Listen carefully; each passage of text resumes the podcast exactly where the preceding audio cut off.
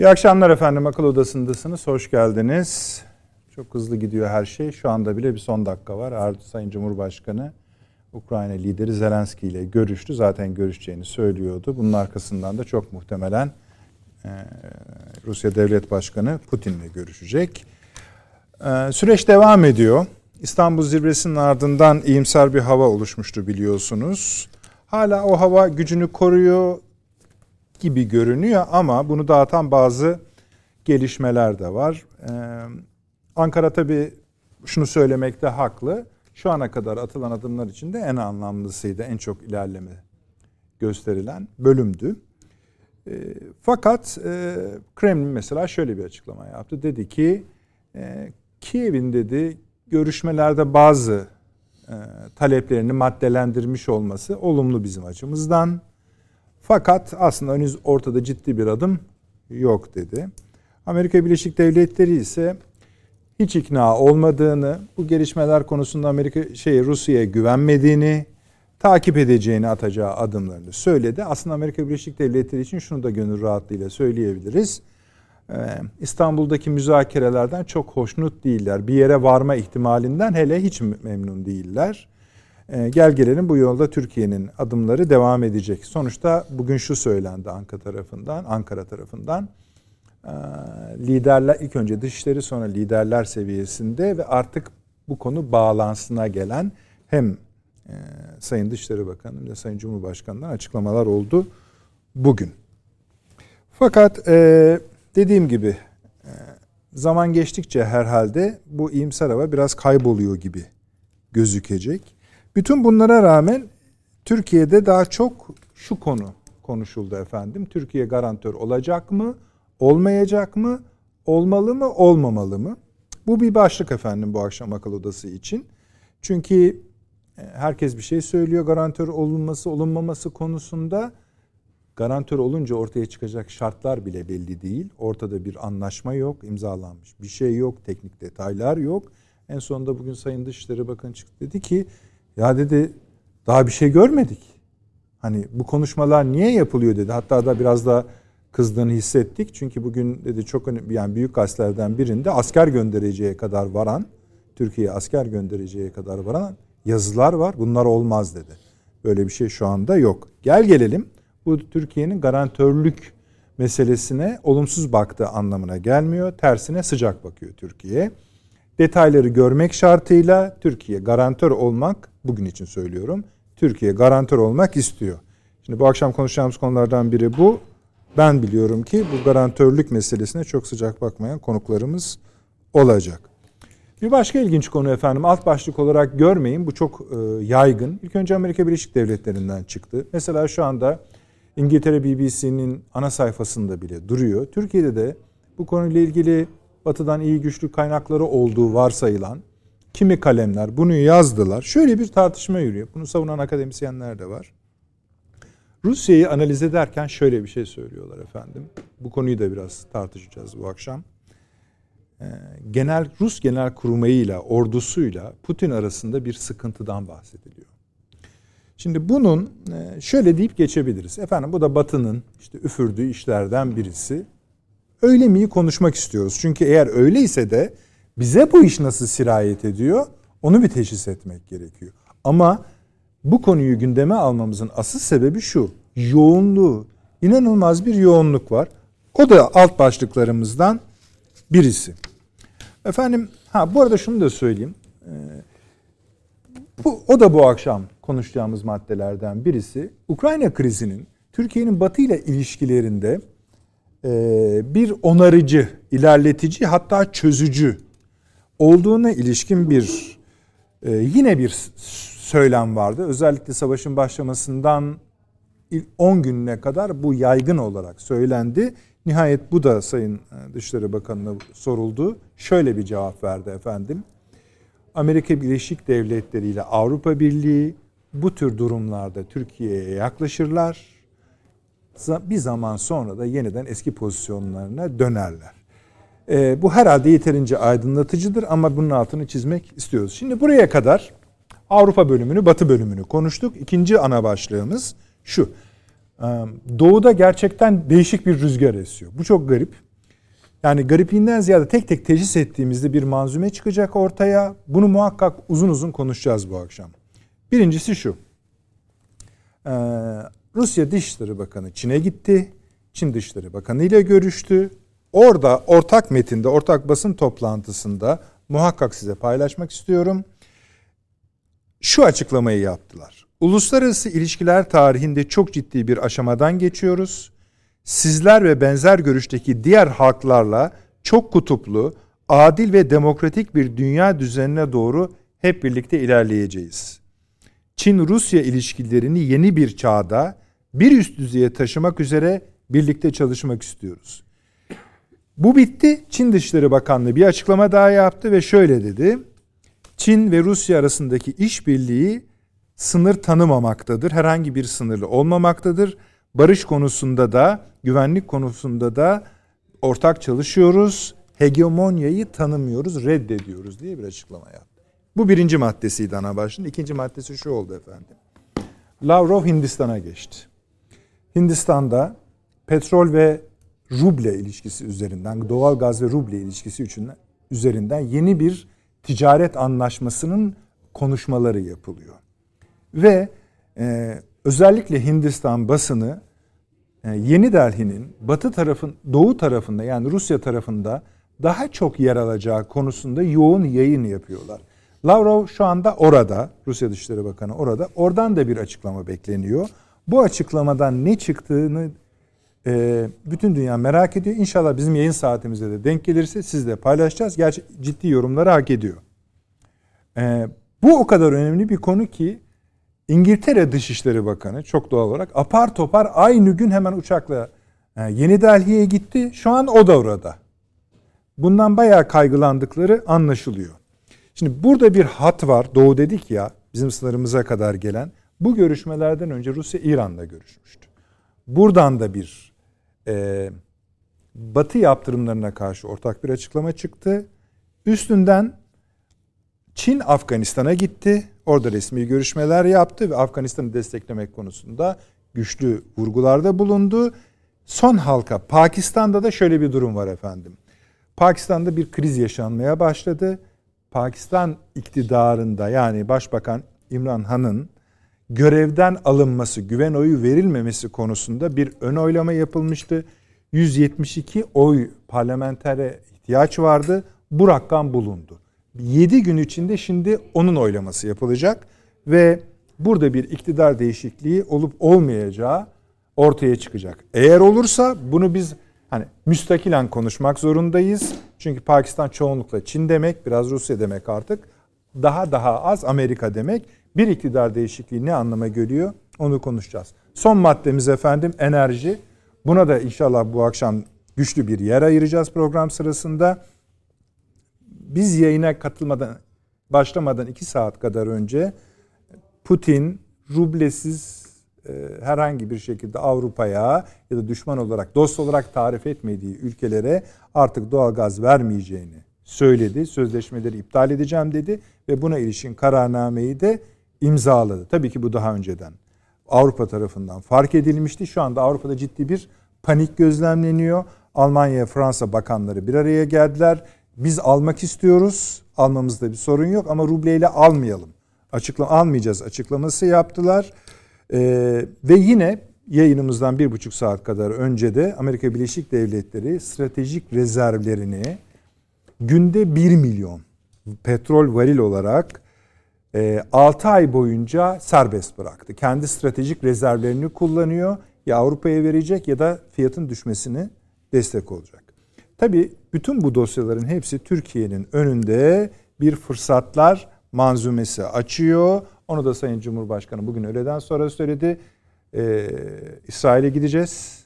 Hızlı bir şekilde İsrail yönetimiyle Doğu Akdeniz enerji meselesini konuşup hayata geçirmek için gerekli adımları atacağız dedi. Bu da ayrı bir kalem. İnşallah hepsini ben de uzun tuttum biliyorum. Detaylı konuşacağız. Sayın Avni Özgürler hoş geldiniz. Yine hoş bulduk. Gazetesi yazarı Profesör Doktor Süleyman Seyfi Öğün Hocam İstanbul Ticaret Üniversitesi öğretim üyesi. Hocam şeref verdiniz. Ve sevgili Profesör Doktor Ragıp Kutay Karaca İstanbul Aydın Üniversitesi öğretim üyesi. Ragıp hoş geldin. Hoş Nasılsın? Bulduk. İyiyiz. Tamam. Bu arada tabii Brüksel'den de bir şey, e, bağlantımız olacak. E, artık öyle söyleyelim. Senior, kıdemli muhabir Batı konularının Gülden Erson Umut. Bu Almanya'nın e, boykota uymama kararıyla Batı'daki son durumu bize kısaca anlatacak inşallah bu akşam. O bağlantımızı da yapacağız. Avni Bey isterseniz şeyden başlayalım. Evet. Şeyden dediğim işte Batı. bu Şimdi, şeyi söyleyebilirsiniz. Her önce. ne kadar bu savaş meselesi biraz kabak tadı verdiyse de Öyle. yani aynı şeyler tekrar ediliyor çünkü çok fazla e, şey İşte yok. bu akşam biz biraz farklıları açtık inşallah. Evet. Ee, Yani o tarafıyla yani çatışmalar tarafıyla.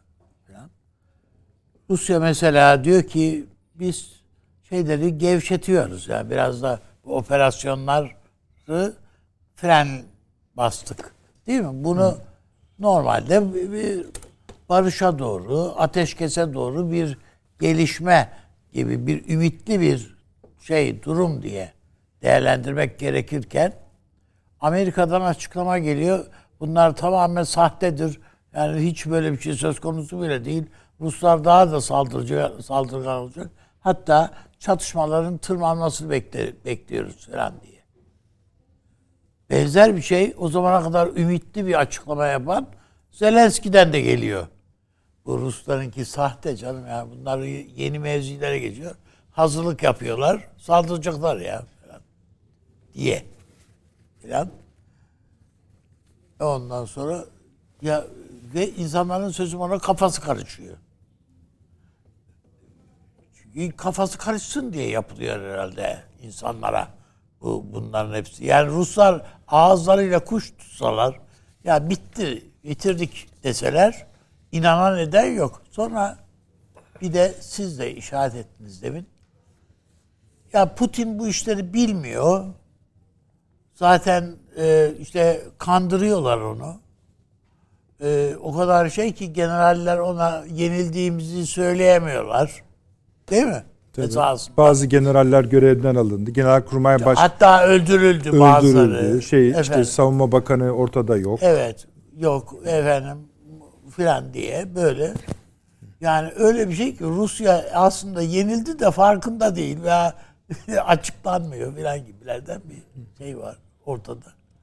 Yani insan aklıyla da izahınla da alay eden bir takım haberler yani.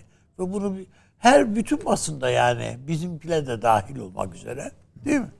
Yani ben dün filan bizim e, televizyonların yorumlarına da baktığımda aynı benzer şeyleri gördüm. Yani orada dinledim. Yurt dışındakilerde de var.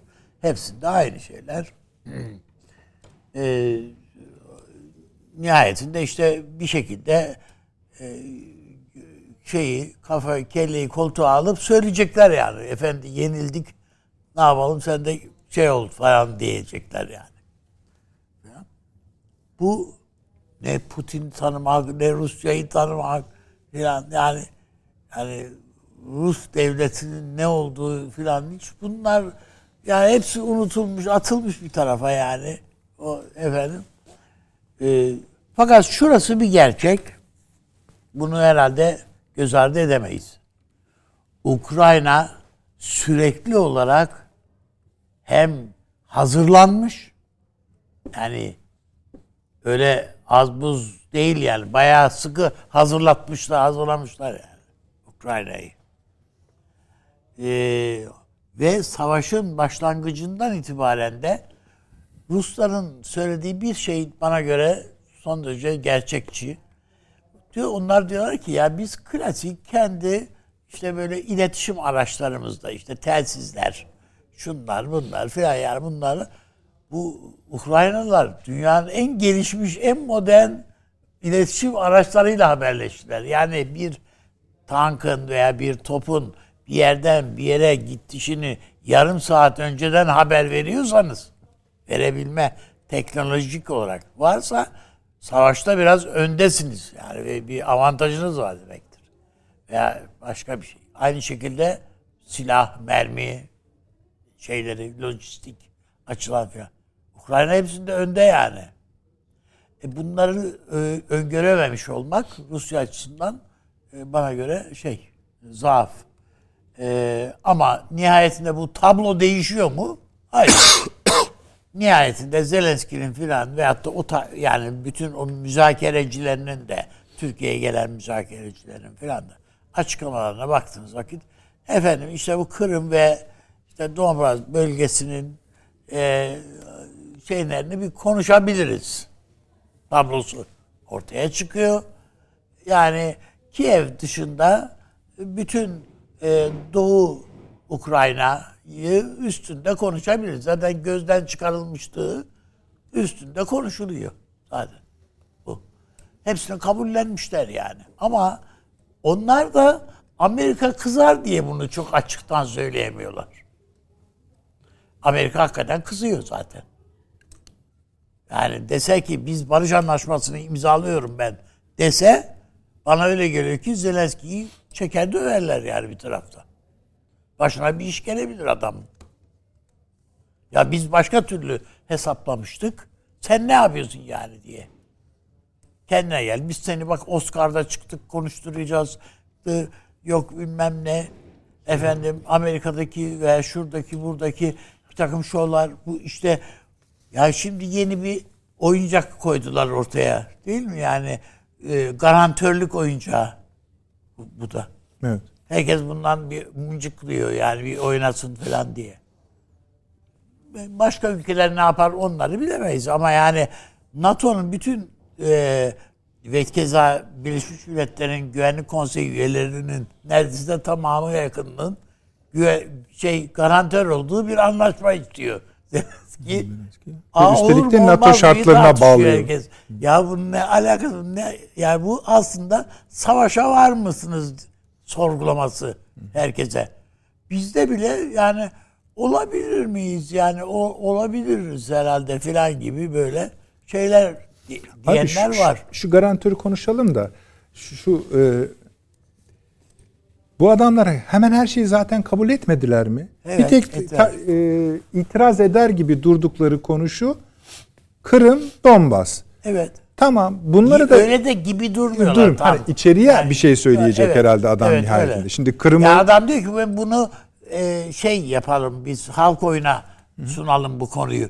Yani kendisi üstüne almak istemiyor bu konuyu. Gayet yani, tamam. Bu 15 yıla da yayalım dedi. Evet. Öyle. Tamam. Bugün Sayın Dışişleri Bakanı dedi ki bazı konuları atmak lazım ileri dedi. Belli ki oradan yani Kırım Ama ben bakıyorum mesela bizim e, yani Cumhurbaşkanlığı Sözcüsü değil mi İbrahim Kalın e, to, Ukrayna'nın toprak bütünlüğünden filan söz etti. E, ondan sonra bakıyorsunuz Zaharova ya ne, ne diyorsun sana diye bir evet evet.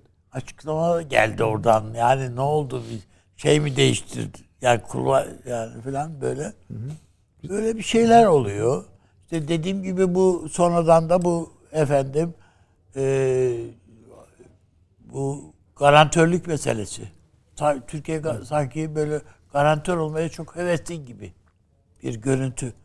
E söyledi yani, Sayın Cumhurbaşkanı. Biz de hani detayları görürsek tamamız dedi bugün. Hayır anladım da yani Hı. böyle anladım detayları dediğiniz o, o tabii önemli. Herhalde böyle bir şey o kadar kolay buna evet demek şey değil yani. Bulayım ben size Sayın Cumhurbaşkanı sözünü. Siz devam Hayır, edin. sözü böyle yani Hı. aşağı yukarı bu, bu yani dediğiniz gibi. Ee, Muhtemelen. Ukrayna'nın güvenliğini teminen garantör ülkelerden biri olabiliriz. Buna ilke olarak sıcak bakıyoruz ancak detaylarının açıklığa kavuşması gerekiyor dedi. Ha, belki Hı. bunu bunu tabii biz garantör manantör olmayız diye de okumak mümkün canım yani. O nasıl baktığınıza da bağlı. Hı. Yani Cumhurbaşkanı'nın öyle bir balıklama dalmak gibi bir şeyi olduğunu düşünmüyorum ben açıkçası. Yani hani Ukrayna'yı pohpohlamak veyahut da arkasında durduğunu e, şey yapmak günün modası zaten yani. Ne olacak? Ay, ay, yani ayak uydur yani bir şey değil. Önemli olan son tahlilde ondan adım atıyor musun buraya? Atmıyor musun? Ee, önemli bu. Yani aynı şarkıyı söylemenin mana şeyi yok yani. Ama bizim hiçbir şekilde bu yani tarafsız diyorsun. Amerika'yı Amerika'nın garantör olmasını isteyen bir öneriye ve ben de varım. Hiç bu yani hiç akıl sır alacak gibi bir iş değil yani. Dışişleri daha çok şöyle düşüyor, düşünüyor anladığım kadarıyla Avni abi. Ee, ya olursunuz garantör de 5. NATO'nun 5. maddesi de öyledir. Yani nereye ne kadar elinizi taş hangi taşın İşte altına ne Avrupa kadar soka- Birliği'ne de alalım sizi. E, yarın Avrupa Birliği kendi ordusunu kurarsa ne olacak? Yani bir Güzel sorular bunlar hepsi, aslında. Yani hepsi bunların iç içe geçmiş sefer tası gibi projeler ve bunların hepsine bütün ülkeler muhalif. Garantör de olmazlar o dedikleri yani 8 ülkenin 8'i birden reddeder bunu. Garantör. Amerika dahil buna. Öyle mi? Tabii canım yani bu Rusya ile savaşa evet demek zaten. Öyle bir şey olamaz yani. E nereden garantör bulacağız? Ha bulama yok yani garantörü yok. Öyle bir garantörü yok yani. Ukrayna'nın bir garantörü yok. Olay yani burada gayet e, şey e, işi e, yani şu noktaya getirdiler. Mesela Rus gemilerine ne, le- limanlara girmesine izin vermeyin. Düşünebiliyor musunuz? Yani bunlar. Efendim ama diyor bize un getiriyor. E tamam o girebilir. Öbürü bilmem ne. Yani böyle bir şey olma, olamaz. Yani işte akaryakıt vermeyin yok. Bilmem ne etmeyin. Böyle bir şey. Yani iş bu noktaya yani, yani yarın öbür gün diye, demek ki yani siz Rusların nefes almasını bir yasaklasanız iyi olur yani bu işlerde. Yani buradan. Ben e, Hayır abi niye? Madem bu aşamaya geldi niye anlaşılamıyor? ha, Amerika istemiyor.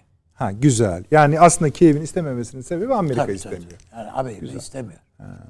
Yani patron istemiyor. Peki patron önemli. Peki Ruslar o zaman Ruslar da diyor ki biz zaten e, asır, e, bir asırdır dayandık. Biz yoksulluğa dayalıklı bir halkız. Yani işte ruble bir anda bir baktın bu Putin'in kararıyla e, bir anda yüzde yirmi de değer kazandı filan. 1 dolar 80 rubleye düştü. Evet yani e, kazandı. Ha öbür taraftan ya biraz sonra Almanya ile bağlantımızda Tabii, soralım. Hı hı. Soracağız yani bir, bir tanıdığım insanlar bunların içerisinde e, ailece yakın e, olduk e, gördüğüm insanlar da var. Şeker yok, yağ yok, un yok. Yani Almanya'da herkes kapağın kaptığını alıyor marketlerden. tabii Doğru bunlar mu? çok söyleniyor. Herhalde. Söyleniyor bunlar evet. Yani söyle öyle şey değil ya, palavra laflar değil ya, baya şeyler söyleniyor. Ve ya. sonuçta Almanya'dan bahsediyoruz. Tabii canım Almanya'da bahsediyoruz. Yani bu gıda Yani 100 milyar avrosunu savunmaya ha- ayıran Aynen. Almanya'dan. aynen. Ondan sonra e, e, öbür taraftan bir Abramovich tartışması. Yani, yani sanki şey hani yağ boz, bol bulunca sanki bir- tarafına sürmek istermiş gibi bir tavır. Ya adamın parası var. İki Amerika dahil hepsi adamın varlığını serbest bırakmayı onaylamış. Yani bunu isteyen de Zelenski. Ya bu adama dokunmayın, bunu yasak masak koymayın buna diye. Diğerlerine bir şey demem de buna yasak koymayacaksınız. Serbest olacak diye. Yani oligark falan filan da adam tamam bu bu adam e, Rusya açısından da Ukrayna açısından da e, şey, şey e, muteber bir insan. E, Biden nezdinde ricacı olan da Zelenski bunun için. Yani Türkiye'de Türkiye'de ama bir kavga var ya. Bu, bu ne bunun paralarıydı yok efendim onu mu aldı da bunu mu sattı da falan. E yine o da söylendi bugün. Ta- Yani taraflar dedi bir itiraz etmiyorlar ki dedi. E, tamam. Türkiye Yani onu da söyledi. Ben e, öbür taraftan tabii e, Suudi Arabistan Prensi de Türkiye'ye gelecek herhalde biliyor musun? Mayıs'ta falan. Yani ne demek istiyorsun? planlaması yapılıyor. Yani benim söylemek istediğim o Türkiye'nin e, ko- komşularla veyahut da İslam ülkeleriyle ilişkilerin de, de kırılga kırılmış olan şeyler hatlar onarılıyor. Bu Kaşıkçı davası biliyorsunuz şeye devredildi, devredilecek. Savcı öyle bir istekte bulunmuş Suudi Arabistan'a. Duydunuz mu? Ha, evet o evet doğru. Zaten e, dediler ki bu yani Prens biliyorsunuz e, Amerika'da bir dergi çok, bir söyleşi verdi. Orada e, her şeyin üstünde üzüntü duyuyorum dedi. Bu da olaydan dolayı olmaması gereken bir şey filan filan. Yani çok Peki. üzülüyor yani. Tabii. Bir Güldener'le konuşalım mı abi? Ha? Güldener hazır galiba. tamam, olur. Bir konuşalım bakalım. Hazır mıyız arkadaşlar? Var mı? Bir dakika içinde hazır olacak. Peki. Siz devam. Bir dakika daha konuşma hakkınız var Avni Bey. Şimdi e, ben bu e, Rus generallerin e, veya da strateji ele, danışmanlarının, Putin'in danışmanlarının Putin'le konuş Putin'i ikna şey yapmakta, gerçekleri söylemekte çok çeki, şey olamadıkları, başarılı olamadıkları. Yani doğru Düşünebiliyor yalan söylüyorlar diyorlar. Bir de şeyi. 22 yıldır Rus devleti, Rusya'yı yöneten adama danışmanlık yapacaksınız ve şunu yanlış yapıyoruz falan demeye korkacaksınız. Ve adam da bunu yutacak. Yani dünya televizyonları seyretmiyor, okumuyor, etmiyor, görmüyor, etmiyor ama danışmanlar falan. Ya böyle böyle bir şeyin üstüne efendim savaş yorumu yapacaksınız. De. Akıl sır alır gibi bir şey değil yani bunlara inanmak. Bunların üzerinden şey yapmak. Elbette aksayan şeyler var. Mutlaka yani bu kadar e, şey uzaması hesapta yoktu. Nitekim bu e, deniz piyadelerinin bağlı olduğu komutanlık onun bir istihbarat raporunda 72 saat süre vermişler. Yani e, yani Rusya girecek bu 72 saatte bitecek bu iş diye. Ondan sonra olmayınca da çok şaşırmışlar ve ondan, ondan dolayı bu e, Amerikan yardımı Ukrayna'ya gecikmiş. Peki abi. Yani, yani bu Konuşacağız. Bunlar, bunları Yok yok bunu biraz detaylandırmak şey istiyorum ben. yani, çünkü bizdekiler çünkü göre- maşallah aldılar sazı da öyle Evet. gidiyorlar. Ama tabii bütün her şeyin eee, sorumlusu Güldener son, son umut burada. öyle söyleyelim. Sevgili Güldener. evet. Evet. İyi misiniz? İyiyim, iyiyim. İyi akşamlar. Ee, Herkese sevgiler ve iyi yayınlar dilerim. Teşekkür ediyoruz. Sağ ol. Valla nereden başlayacaksın? Almanya'dan mı başlayacaksın? Nereden başlamak istiyorsun? Almanya'dan bahsedelim. Buyurun. Yani Al- Al- Almanya'nın 13 tane çok dikkat çekici unsuru var. Bunlardan bir tanesi Almanya bu savaş başlar başlamaz herhangi bir şekilde e, Fransa'ya, Fransa'nın nükleer gücüne ya da e, bir şekilde AB anlaşmalarının işte ya da Avru- Avrupa Birliği'nin o stratejik e, pusulasına güvenerek nasıl olsa Avrupa Birliği ve Fransa beni savunacak. Bu çerçevede e, ben NATO'ya ağırlık vermeyeceğim demedi. Aksine NATO'da öteden beri e, savunma harcamalarını arttırmaya yönelik olarak çağrılar vardı kendisine ve o çağrıları bir an önce hayata geçirdi ve zaten bu hakikaten beklenen bir hamleydi. Yani e, Amerika Birleşik Devletleri'nin şu anda e, NATO'nun Avrupalı müttefiklerinin bazılarına sunmuş olduğu güvenlik şemsiyesinin karşılığında 100 milyar euroluk ani bir harcama yaptı. Yetmedi. Fransa, İspanya, İtalya ve e, İspanya ile beraber geliştirmeyi hedeflediği 5. nesil uçak projesini askıya almadı ama e, F-35 uçakları sipariş etme kararında hemen aldı. O da önemliydi.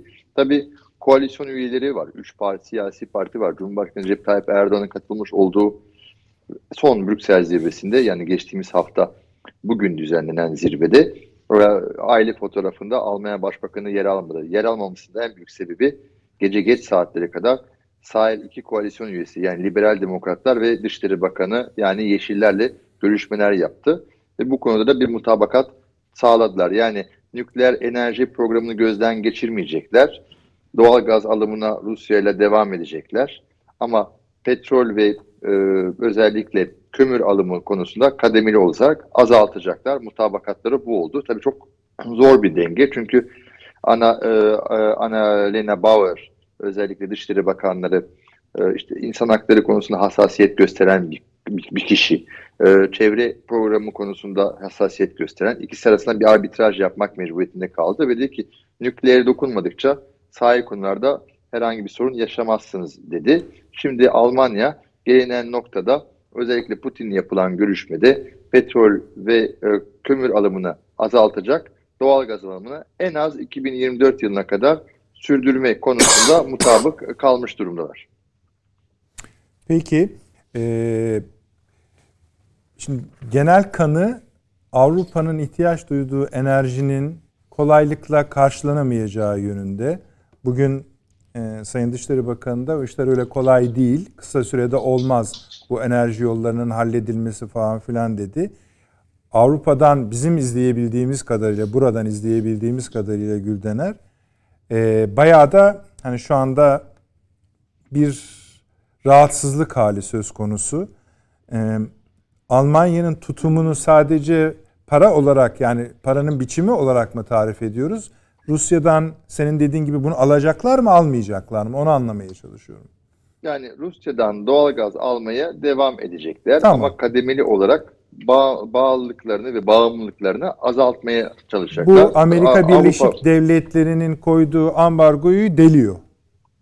Yani Amerika Birleşik Devletleri'nin koyduğu ambargoyu deliyor. Neden evet. deliyor? Amerika Birleşik Devletleri de biliyor. Çünkü Avrupa Birliği'nin gaz ihtiyacı 155 milyar metreküp. Amerika Birleşik Devletleri'nin Avrupa'ya şu anda taşıma yoluyla verebileceği ya da Fransa ile Belçika ve Hollanda'da bulunan 3 dolum tesisiyle toplam verebileceği maksimum miktar 15 milyar metreküp. Geriye kalıyor 135 milyar aşağı yukarı 140 milyar metreküplük bir miktar kalıyor. Kah Japonya 10 e, milyar metreküp gaz alımından vazgeçiyor ve bu hakkını Avrupa Birliği'ne devretmeyi kararlaştırdı. 2022 ve 2023 için Norveç'ten ek 5 milyar alabilecekler. 5 milyar da yine e, İngiltere'den alınabilecek biraz. Bir de Cezayir'le İspanya Cezayir'le barıştı. Bu yüzden de Dışişleri Bakanı değişti o ülkede ve e, oradan da aşağı yukarı 5 milyarlık bir gaz alımı söz konusu. Keza Venezuela'dan da işte Afrika ülkeyi üzerinden de biraz da Venezuela'dan alacaklar ama yine hala sağdan sola soldan sağa hesapladığımız vakit 100 milyar metreküp gaza ihtiyaçları var. Onun da tek adresi Rusya.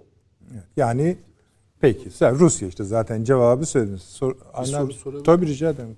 Ee, Bugün yabancı basında bir haberler çıktı. Rusya ile Almanya'nın ruble üzerinden doğalgaz e, alımını konuştukları ama sonuçta ruble euro üzerinden bir anlaşmaya vardıkları hakkında. Bu konuda bir şey var mı gelişme? Şimdi bu konuda evet e, Putin'le yapılan görüşmede anlaşılan ve yapılan resmi açıklamalarda ve e, bize verilen briefinglerde Putin'in özellikle gaz alımını rubleyle e, gaz alımına karşılığı ödemenin ruble bile yapılmasını istedi. Buna yönelik olarak da hem G7 üyesi ülkeler hem de Avrupa Birliği'nin almış olduğu karardan dolayı bu mümkün değil. Bu çerçevede de e, euro karşılığı ya da dolar karşılığı ruble olarak Gazprom'a ödenmesi konusunda bir prensip kararına varıldı. Ancak bunun önümüzdeki hafta e, salı günü e, AB kurumlarında yapılacak olan bu e, enerji e, toplantısında bunun hukuki zemini araştırılacak ve ona göre de ama prensipte Almanya buna e, karşı olmadığını ve bunu kabul edebileceğini söyledi. Evet. Önemli Peki bu e, Almanya'da temel gıda maddeleri veyahut da ihtiyaç maddeleri, gıda demeyeyim de ihtiyaç maddeleriyle alakalı bir marketlerde falan bir bir takım sıkıntıların olduğu doğru mu yanlış mı? Yani tevatür, doğru, doğru. dedikodu mu? Yok hayır. iki tane sıkıntı var. Bunlardan bir tanesi fiyat sıkıntısı. Ee, 42 yıldan bu yana ilk kez Aldi örneğin Almanya'da bütün ürünlerine yönelik olarak %4'lük bir zam yapma kararı aldı. Bütün ürünlerine.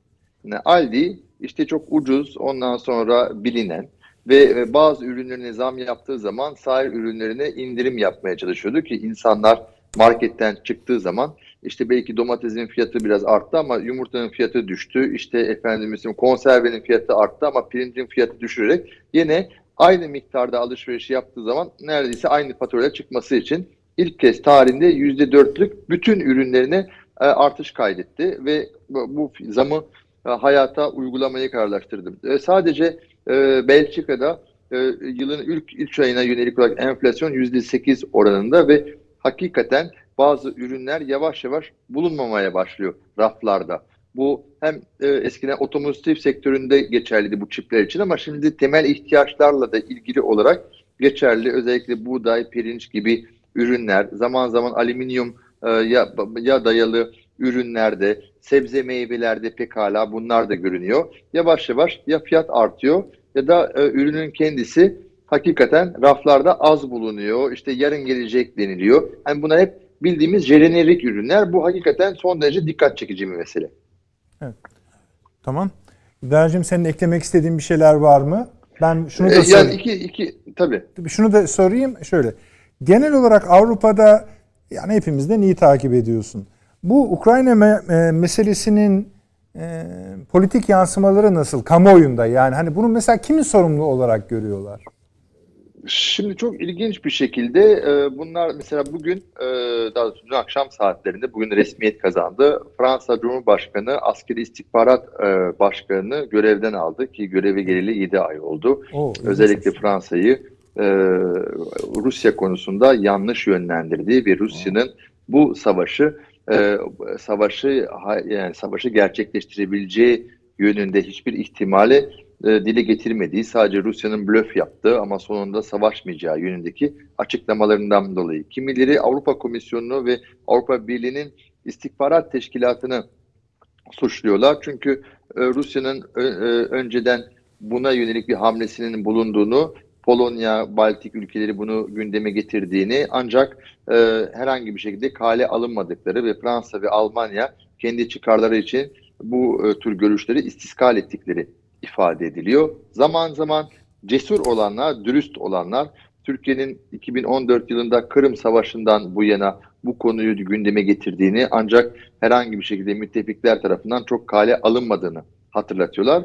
Daha da dürüst olanı e, NATO'nun beyin ölümünde yaşanmadığı gibi şu anda NATO e, Güney e, ve Doğu kanadının güvenliğini üstlenebiliyor ise Londra zirvesinde Türkiye'nin GRP olarak adlandırılan e, e, kademeli mukabele planını onaylaması ve o konuda da özellikle getirmiş olduğu iki tane istisna sayesinde yaşandığını söylüyorlar ve e, gelinen noktada da en azından Türkiye'nin Rusya'yı yaptalamadan özellikle Putin'e hakaret etmeden hala ara buluculuğa soyunabilme ihtimali var ki bugün Genel Sekreter yıllık e, e, 2021 yılına yönelik olarak yıllık faaliyet raporunu açıkladı.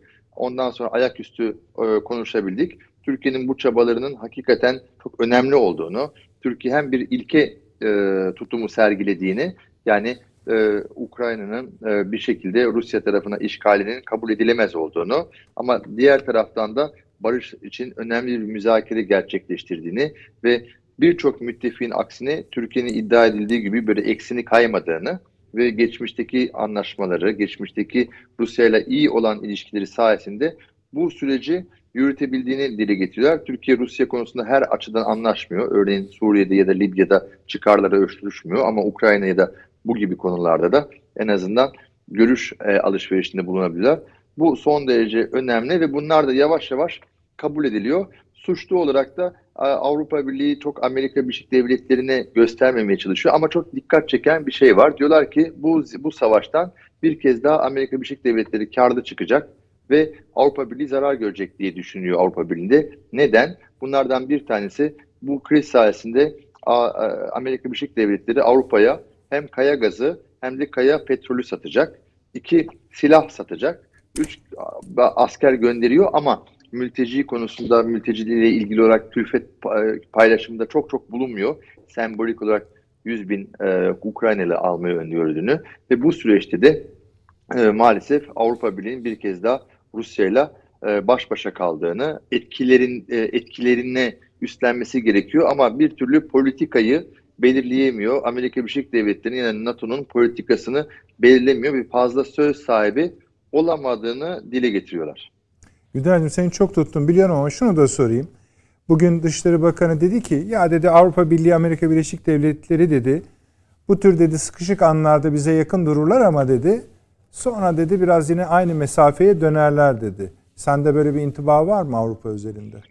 E, Var. Yanlış değil. Doğru çok yerinde ve doğru bir tespit. Hakikaten AB ile Türkiye arasındaki ilişkilerin yakınlaşması için mutlaka bir krizin yaşanması gerekiyor. Kah deprem, kah Küba'daki füze krizi, kah efendim 11 Eylül gibi ya da Afganistan meselesi ya da Suriye meselesi gibi bu dönemlerde Türkiye'yi hatırlıyorlar. Türkiye'nin coğrafi konumunu, stratejik önemini hatırlıyorlar ve ufak bir yakınlaşma yaşanıyor. Ama e, bütün bu krizler unutulduktan sonra o yakınlaşma sürecini 15 günde hemen e, uzatabiliyor. Şimdi stratejik diyaloğu yeniden gündeme getirdiler. Yüksek seviye stratejik diyalog. İşte Türkiye ile enerji, çevre konularında yeniden işbirliğini canlandırmaya yönelik ama mesela genişleme komiserini Türkiye ile ilgili olarak görmedik. Neticede hem genişleme komiseri hem de AB'nin komşuluk politikalarından sorumlu kişi Türkiye herhangi bir şekilde gelmedi. Türkiye'den bahsettiği vakit aday ülke olarak değil partner ülke olarak bahsediyor. Bu yüzden de Borel Antalya Diplomasi Forumu'na geldiği zaman demeç verdiği vakit Türkiye sadece partner değil aday olarak e, aday bir ülke olduğu hatırlatılıyor. Yani bu kriz atlatıldığı vakit Türkiye yine unutulacak, yine istiskal edilecek ve Avrupa Birliği tarafından asla ciddiye e, yani çok kale alınmayacak. Türkiye'nin adaylık süreci vesairesi yine unutulacak ve yine Türkiye'ye yönelik olarak eleştiriler silsilesi gelecek. O da maalesef e, bu Avrupa Birliği'nin kötü huyu. Güldener yani çok de şey, ay bir tabii bu kaldı. Bu Zelenski e, Güldener bu e, e, Amerika'da çok e, popüler. E, Batı'da bütün bütün ülkelerde de tabii ilgi uyandırıyor bir kişilik. Bu sempati manasına gelir mi bu yani? Geliyor mu? Yani bu sevilen bir adam. Yani çok yani iyi aslında, bir politikacı falan mı yani? Yani şöyle düşünmek lazım. Düne kadar hakikaten yani e, bir komedyen olup daha sonra siyasete atılan ve işte yapmış olduğu dizi sayesinde halk nezdinde karşılık gören bir kişiydi. Ama savaş başlamadan önce dürüst olmak gerekirse kamuoyu araştırmalarına bakıldığı zaman Poroshenko'nun seçimleri kazanması öngörüldü. Oyların %54 ile 58'ini alıyordu. Ee, ve Zelenski oyların sadece %25'ini alıyordu en azından kamuoyu araştırmalarında. Ve son 15 gün, son bir haftadan bu yana özellikle Almanya'yı yaftalayan, özellikle İtalya'yı ve Fransa'ya yönelik olarak mesela Oşan süpermarketlerin artık Moskova'daki dükkanlarını kapatması gerektiğini, onların da savaş suçlularına ortak olduğunu iddia etti. Renault konusunda aynı şey söylendi. İtalyan firmaları konusunda aynı şey söylendi.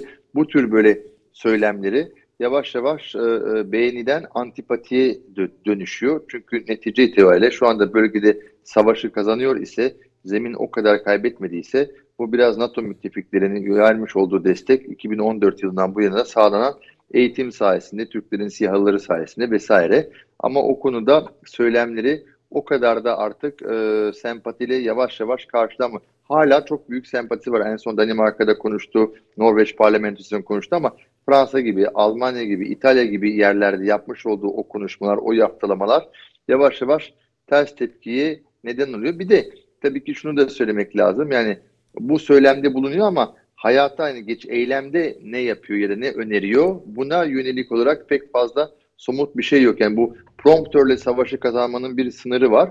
Ondan sonra sahaya inip ya da somut bir şeyler önermek gerekiyor ki daha o somut öneri ve e, dönemine gelmedi maalesef. Güldener ya çok teşekkür ediyorum. Sınırlı zaman içinde e, bize de yer açtın. Çok teşekkürler. Sana çok naziksin. E, sana da kolaylık diliyorum. Ara sıra yine seni rahatsız ederiz. Her zaman çok sevgiler, iyi yayınlar dilerim. Bütün büyüklerimize de çok saygılarımı sunuyorum. Çok teşekkür ediyoruz. Sağ olasın. Evet Süleyman Hocam. Evet, çok şey Başlık çok. Tabii ama siz gelin yine şeyden başlayın isterseniz. Ee, müzakerelerle garantörlüğü bağlarsanız giriş olarak. Efendim işte aşırı yorumlar bunlar. Yani böyle bir turbo dinamiklerle çalışıyor bugünlerde insanların kafası. Çok fazla aktüelize olması galiba meselelerin. Tabii bu meseleleri aktüel mesele olmaktan çıkarıp daha bağlamı geniş noktalara kavuşturan tahliller, analizler de var ama yani diğerleri böyle hakikaten sinek sürüsü gibi üşüşüyor bunların üstüne ve görülemiyor. Ee,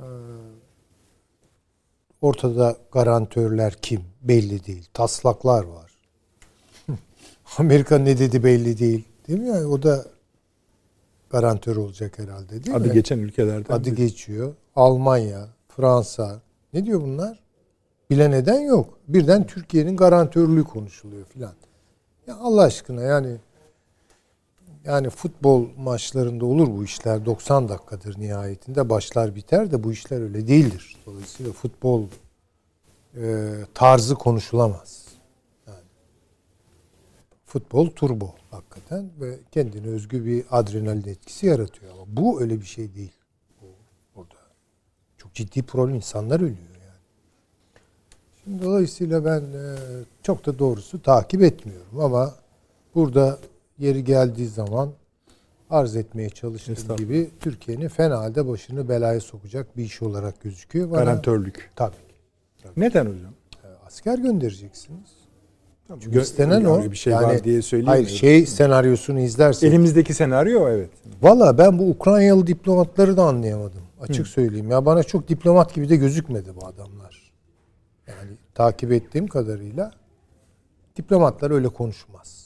Bunlar böyle nasıl söyleyeyim pazar günü garajında arabasını tamir eden Amerikalıların kıyafetleri gibi kıyafetlerle falan. Ya bir kere zaten o havayı bozuyorlar yani. Diyeceksin ki savaş hali ne yapalım? Peki kabul edelim de yani ama bu üslupta en azından yani. Şimdi e, öyle şeyler söylüyorlar ki ya, bu adamların söylediklerini takip edecek olursak zaten Türkiye'nin bu işe girmesiyle birlikte kıyamete gitmesi aşağı yukarı aynı manaya geliyor. Çünkü şunu diyorlar benim anladığım özet olarak. Biz tamam NATO'ya girmeyeceğiz.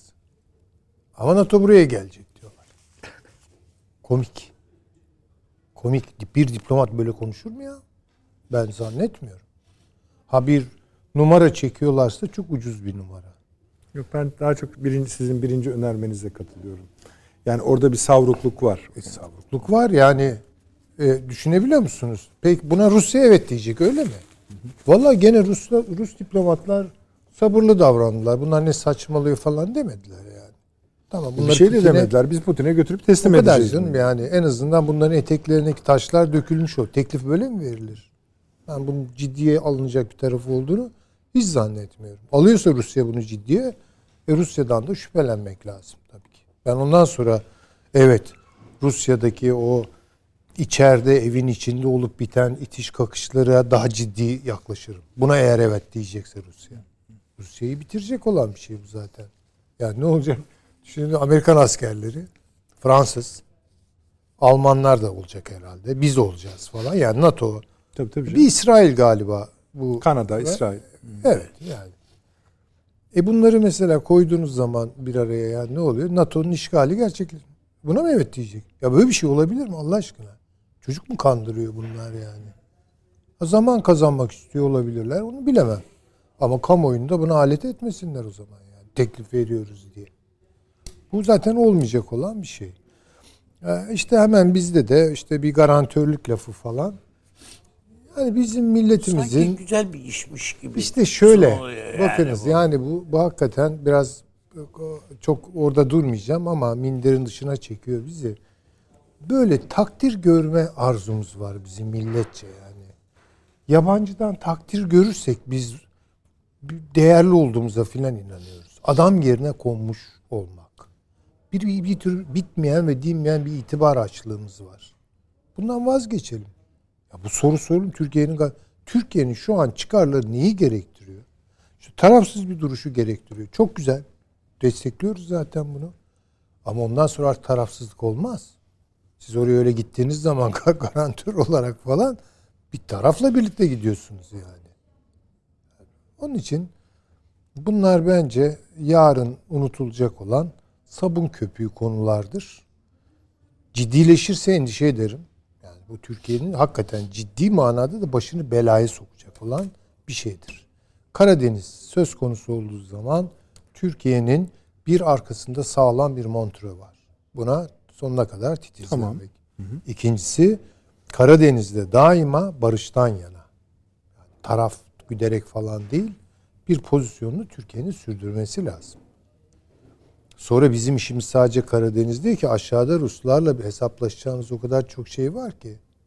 E Ukrayna'yı kurtaralım derken oraları batırmayalım yani. yani bir, bir denge kurmak gerekiyor bu işlerde herhalde. Onun için e, yani sorunuz muhaciyesinde benim önce söyleyeceklerim Garantörlük bunlardır. Yani söyleyecekleriniz bunlar. Hiç mi iyi tarafı olmaz? e, garantör olmanın valla oraya asker Mehmetçiğin postalı değerse işte orada ben endişe ederim.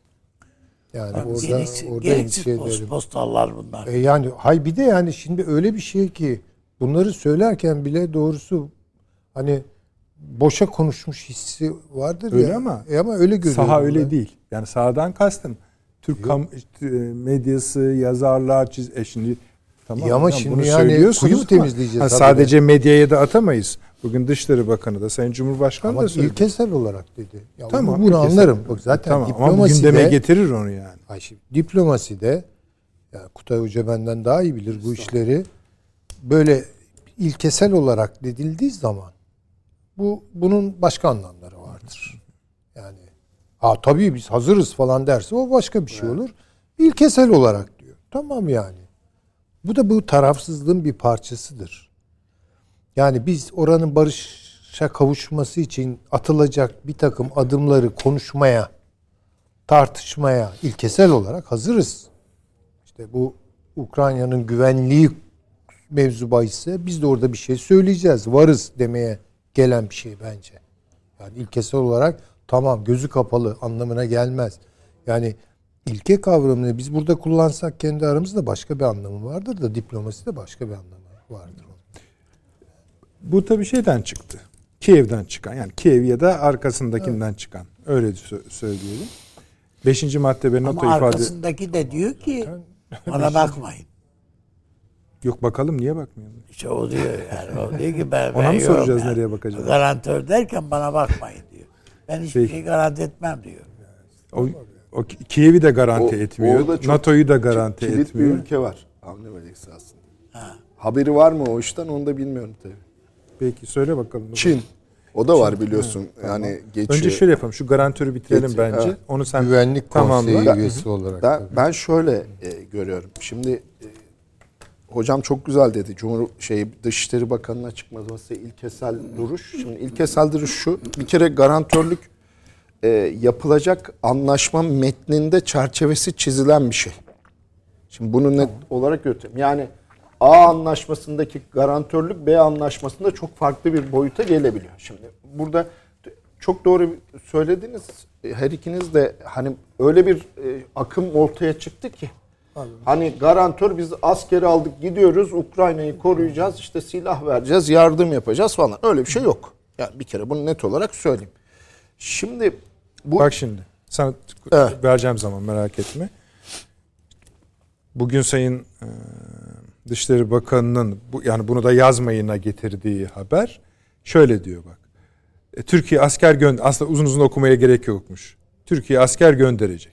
Bu kadar. Ya şimdi bunu kim haber yaptı bilmiyorum ama bu haberi yapan Ya arkadaş, söylemiyoruz da hani- haberi yapan arkadaşa direkt sormak lazım. Nereden aldın? Aldım bu kim, haberi. kim Yani yani sizin, o- sizin oğlan gitmiyor değil mi diye. ya ya nereden aldın bu? Ya böyle bir şey olabilir mi Nedret ya Allah'ını seversen. Ya bu bu gerçekten hani vahim bir durum. Şöyle şimdi bu kolaylaştırıcı kavramı da çıktı ya şimdi. Tabii. Bunu kullanırken de çok zorlanıyorum yani. Böyle yeni karşılaştığım için diplomasi diliminde kolaylaştırıcı. Hadi kullanayım onu.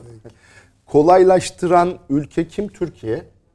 Şimdi burada bu kadar işin içerisine girdikten sonra iş olay garantörlük çerçevesine gelince ne Cumhurbaşkanı ne Dışişleri Bakanı biz bunun arkasında durmayız, gerisinde dururuz, garantörlüğü kabul etmeyiz gibi bir demeç veremez, Veremez. diplomaside. Bu kadar açık ve net. E, dolayısıyla burada ilkesel duruştan kasıt şu. Anlaşan, anlaşmanın çerçevesinde garantörlük neyi beyan ediyor? Türkiye ondan sonra bakacak. Şimdi birinci nokta bu. Asker falan gönderme hikayesini geçin orada. Şimdi Kıbrıs bize e, herhangi bir durumda asker kullanma hakkını veren bir garantörlük veriyor. E biz de ona göre gittik barış harekatını yaptık. Ermenistan Azerbaycan anlaşmasında Nahçıvan, Türkiye Nah- evet Nahçıvan yani konusunda Nahçıvan aynı anlaşması. şekilde Kars Anlaşması. Evet, Kars- yani çok açık açık yani orada. açık ve net haklar veriyor. Şimdi burada o çerçeveyi bilmiyoruz. Şimdi ikinci noktada hani basına sızan garantör ülkelere baktık. Hani Polonya, İsrail, Amerika, İngiltere, Kanada. Almanya, Türkiye, Kanada ama Çin. Çin'in haberi var mı diye sordum ben bir yerde. O şeyden geliyor herhalde. P5'in içinden mi geliyor? Abi şimdi şöyle, şimdi anlaşma nedir? Garantörün Zelenski demiş ki olsa iyi olur. O kadar. Avni Bey garantörlüğün anlamı ne? Yapılan anlaşmayı bir şekilde e, bozulursa Tabii. tekrardan Savunmak. savunmak. Tabii. E şimdi Çin nerede? Bugün işte okudun sen. Ben de buralara not aldım Çin Rusya konusu. E şimdi Evet, Çin? Diyor. Çin Rus, Rusya tekrar saldırırsa Çin Sınırı o garantörlüğü ne kadar diye- e, diye garanti şey. edecek? E şimdi bir de tabii şöyle bir şey var. Ben NATO'dan vazgeçtim ama garantörler NATO'nun 5. maddesini çalıştırsın demek benim doğrudan olmasa da dolaylı NATO'yu aldınız demektir. Bu da Rusya tarafından kabul edilecek bir şey değil. Esasen Kutay, e ben bu Avrupa Birliği'ne san- Ruslar daha ılımlı bakıyormuş gibi. Yani Ukrayna'nın O- aslında oraya- o da ya garip. bir Hayır şey. onu onu açıklayabilirim. bakmıyor. Tamam, Ona, açıklayabilirim. onu açıklayabilirim. Kutay Rus şimdi bakın e, 92 Ukrayna için söylüyorum. 92 Lizbon Anlaşması, 94 Budapeşte anlaşmalarında bu nükleer silahların kaldırılması üzerine yapılan anlaşmalarda Ukrayna'nın tarafsızlığı zaten çok açık taraftan Ukrayna tarafından kabul edilmiş durumda. Şimdi e, Sovyetler Nükleer dağıldıktan sonra silahların imhası. Evet evet hepsi yani tarafsızlıkla beraber işleyen bir süreç. Sovyetler dağıldıktan sonra Rusya Federasyonu'nun e, kendisinden ayrılan, Sovyetlerden ayrılan ülkelerin güvenliğini Avrupa Güvenlik İşbirliği Teşkilatı içerisinde tanımladığını görüyoruz bunu birçok metinde. Ve e, mesele şurada Avrupa Birliği içerisinde bu ülkelerin yer edinmesine Rusların fazla ses çıkarmadığını da görüyoruz. Mesele şurada başlıyor. Amerika'nın şöyle bir şey. Ee, hukuken mümkünlüğünü sormadım. Rusların bunu niye ka- kabul ettiğini sordum. Öyle bir şey Bur- var. bur- burada burada mesele NATO. Yani Amerika liderliğindeki NATO içerisinde Avrupa bir Birliği'ne ben de tanımlama. diyorum ki Kutay, Evet. Avrupa Birliği'ne girerse zaten hani o sonuç oraya doğru evrilir yine zamanla. Ha, şimdi son dönemlerde e, şöyle bir şey çıktı ortaya. E, Avrupa Birliği'ne girmeden NATO'ya üye olamıyorsun gibi bir sonuç da çıktı ortaya. Şimdi dediğinde de haklısın. Burada da bir tedirginlik var. Ama e, bir şekilde de e, Ukrayna'nın e, işte silahsızlanması, hiçbir askeri örgüt içerisinde yer almaması, işte bu Financial Times'ta çıkan 6 maddenin ilk 4 maddesi biliyorsun bunları içeriyor. E, Bu açıdan bunları temin ettikten sonra en azından bunun bir Avrupa Birliği üzerinde e, içerisinde yer almasında bir sorun görmeyebilir Ruslar. Kendi tarihsel gelen dış politikaları açısından tabii 90'lardan sonrakilerden bahsediyorum hocam. E, ama şöyle de bir şey var. E, Rusya adına şöyle bir şey var. Acaba Rusya gerçekten hani askeri anlamda yetersiz mi? Hani diyor ya adam yok oldu. Rusya ilerleyemiyor. Acaba ilerlemek istiyor mu? Bu da bir soru işareti. Tamam. Yani askeri boyutunu biraz herkes artık o kadar konuştu ki. he? Şimdi bütün bunların içerisinde çok önemli bir şey söyledin. Rusya'dan açıklanan. Kiev'in isteklerini maddelendirmiş olması. evet yani bir metin var elimizde artık. Tamam diyor. şimdi şuraya geleceğim. Hepimiz savaş başladığından beri gerek e, Peskov'un gerek Bir- Lavrov'un Kutaycığım çok ke- kestim seni. Evet. Ne olur kusura bakma. Şimdi ya Güldener bir şey atmış da şimdi şu anda yayınlandı diyor. Almanya e, Alman Başbakanı Scholz bir açıklama yayınlamış. Rusya'nın doğal gaz için taleplerini reddediyoruz. Rus doğal gaz teslimatları mevcut sözleşmelere uygun euro ve dolar olarak ödenecek ve bu böyle kalacak diye bir açıklama yaptı. Teşekkür ediyoruz Güldener'e. Ee, tabii bu, bunun karşılığı şu. Bugünkü imza yürürlüğe girer. Yani Putin'in imzaladığı. vermem. Gazı keser. keser. Öyle gözüküyor. Haydi Ne? bakalım. Şimdi bunun iki Yani bu taraflı önemli. iki taraflı şey var. Şimdi Kiev'in isteklerini maddelendirmiş olması çok önemli bir açıklama. Neden? Hepimiz Peskov'un, Lavrov'un, Putin'in açıklamalarından Rusların ne istediğini biliyor muyduk? Bu olay başladığından beri. Hepimiz biliyorduk. Evet. Pekala Ukrayna'nın ne, ne istediğini biliyor muyduk? Ya da Batı'nın bu açıdan ne istediğini biliyor muyduk? Bilmiyorduk. Hani savaş başladıktan sonraki istekten bahsediyorum. Tabii ki yani e, hiçbir olay e, Rusya'nın bir egemen devletin topraklarına saldırmasını şey kılmıyor. Yani meşru, kılmıyor. Ama şöyle bir şey var. Bundan sonra Rusya adına da e, hani işte şu okuduğun olaydan sonra evet tamam gazı kestik kestik de e, sen de e, en büyük e, ticaret ortaklarını bir kenara atmış oluyorsun. Yani nereden para kazandığını o şekilde. Bir de e, Rusya Federasyonu'nun e, ekonomik açıdan kötü bir durumu var. Hollanda hastalığı dedikleri iktisatçıların tek bir sektöre bağımlılık pozisyonu. Şimdi o tek bir sektörde enerji sektörü. Şimdi bu enerji sektörünü yalnızca Çin'e akıtarak ya da Hindistan, Pakistan'a akıtarak çözebilir Fena da değil aslında saydığı şeyler. Evet çözebilir mi? Hani bu çözü buna da müsaade edebilirler mi? Çünkü Biz de- biz de alıyoruz. Ha, şimdi edebilirler mi? O da ayrı bir şey. Çünkü bu yeterli olur mu? Onu orasını bilmiyoruz. Ama örneğin e, bir not almıştım şöyle 9 tane madde. Bundan sonra Rusya adına ne olursa olsun bir saldırgan Rusya kavramı ortaya çıktı. Tüm tamam, o uluslararası evet. kamuoyu tarafından. Ama işte Almanya'da e, yapılan açıklamalara da çok katılıyorum. Avrupa Birliği'ndeki o açıklamaları dinlediğimiz.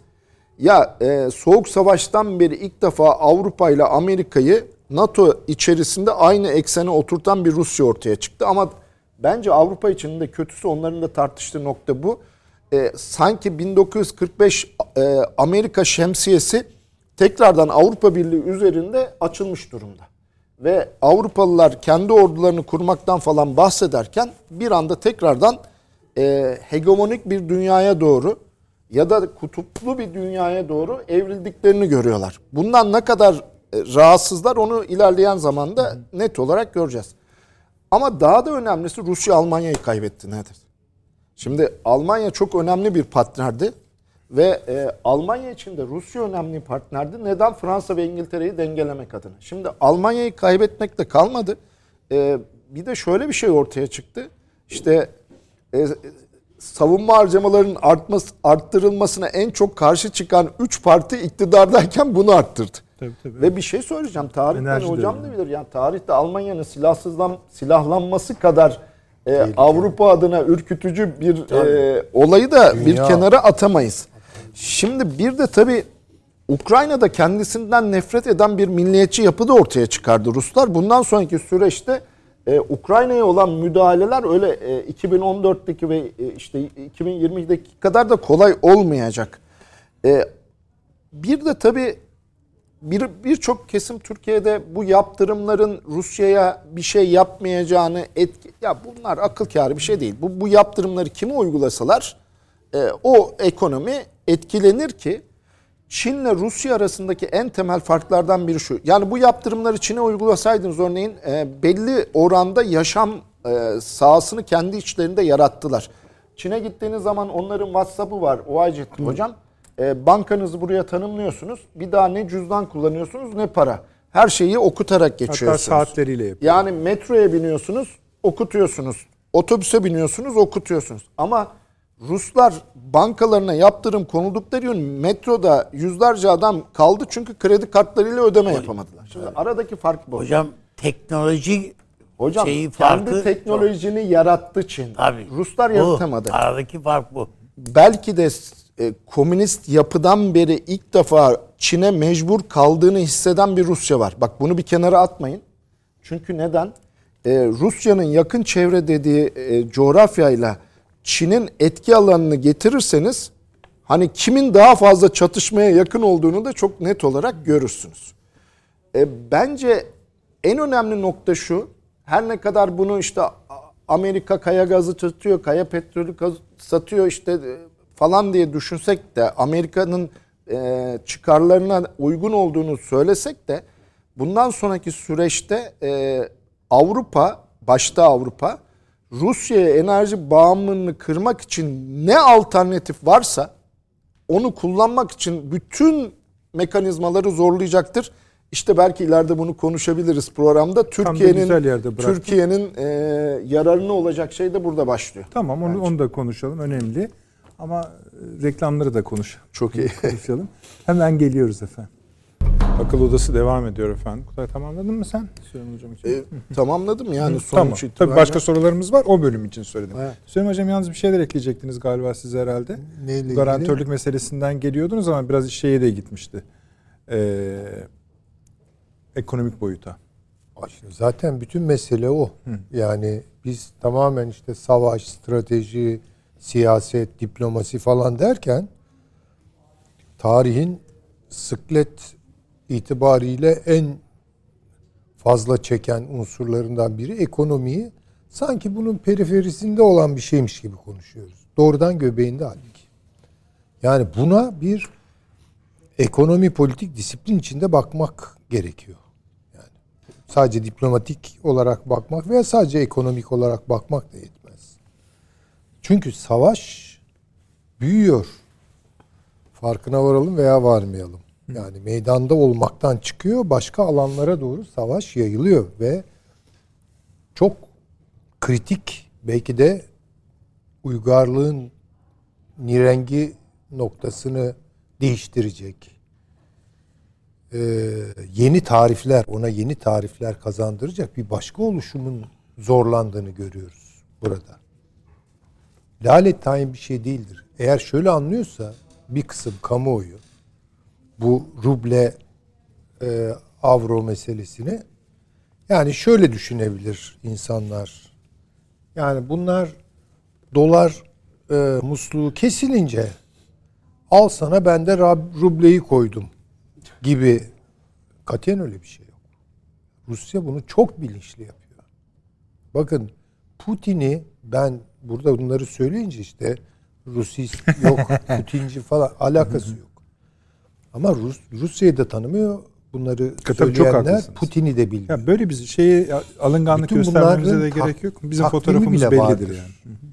Putin'in kafasında. Adım gibi eminim. Nomenklatura çalışır. Evet evet. Öyle boş. Tamam fire verir. Ee, iki kişi yanlış hesap yapmıştır falan filan. Bu tamamen dolarizasyon meselesiyle ilgili ve bu dolarizasyonu tasfiye ile ilgili. Evet öyle. Bu Amerika Çin Savaşı'nın bilardo misali Rusya'dan Rusya'nın köşesinden seken top. Ukrayna'da patladı. Bu devam edecek. Suudi Arabistan Öyle öyle. ben Çin'e yuanla petrol satacağım. Bitti bu. Yani bu akıl almaz bir şey ya. Bunun Bir de şöyle mesela bu rezervleri Kaddafi parçalandı biliyor musunuz? Yani Ka- Saddam'ı rezil ede ede astılar. Neler yaptılar? öyle. Yani bu işi bu işe giren bunu telaffuz eden istikbalini, ikbalini filan unutma riskini alıyordur. Şimdi Bu 1 milyon varil için bir şey söyleyecektim Hüseyin Hocam sizi teyiden. Şimdi mesela Körfez bölgesinden gitti istedi. Venezuela'dan gitti istedi hiç ama utanmadan. çok sınırlı onlar. E tamam her zaten veriyoruz İran'dan diyen yok ki. İran Tabii. ya şimdi zaten iş İran'a İran. verdirtmek İş. İran ha. Peki. Şimdi onu çözmeye çalışıyor. E, Yani- bu 1 milyonun sebebi o aslında. Biraz Tabii ki Orada Katar da günlük 1 milyon. çok rasyonel bir cevap verdi. Kotalarım dolu dedi. Yapayım? tabii çoğu Yani biraz doğuya işte gidiyor. Japonya feragat etti falan filan da bir miktar toparladılar. Yani düşünebiliyor musunuz? Avrupa için e, hedi şey sandığı, yardım sandığı Yardım sanki sandığı. bu.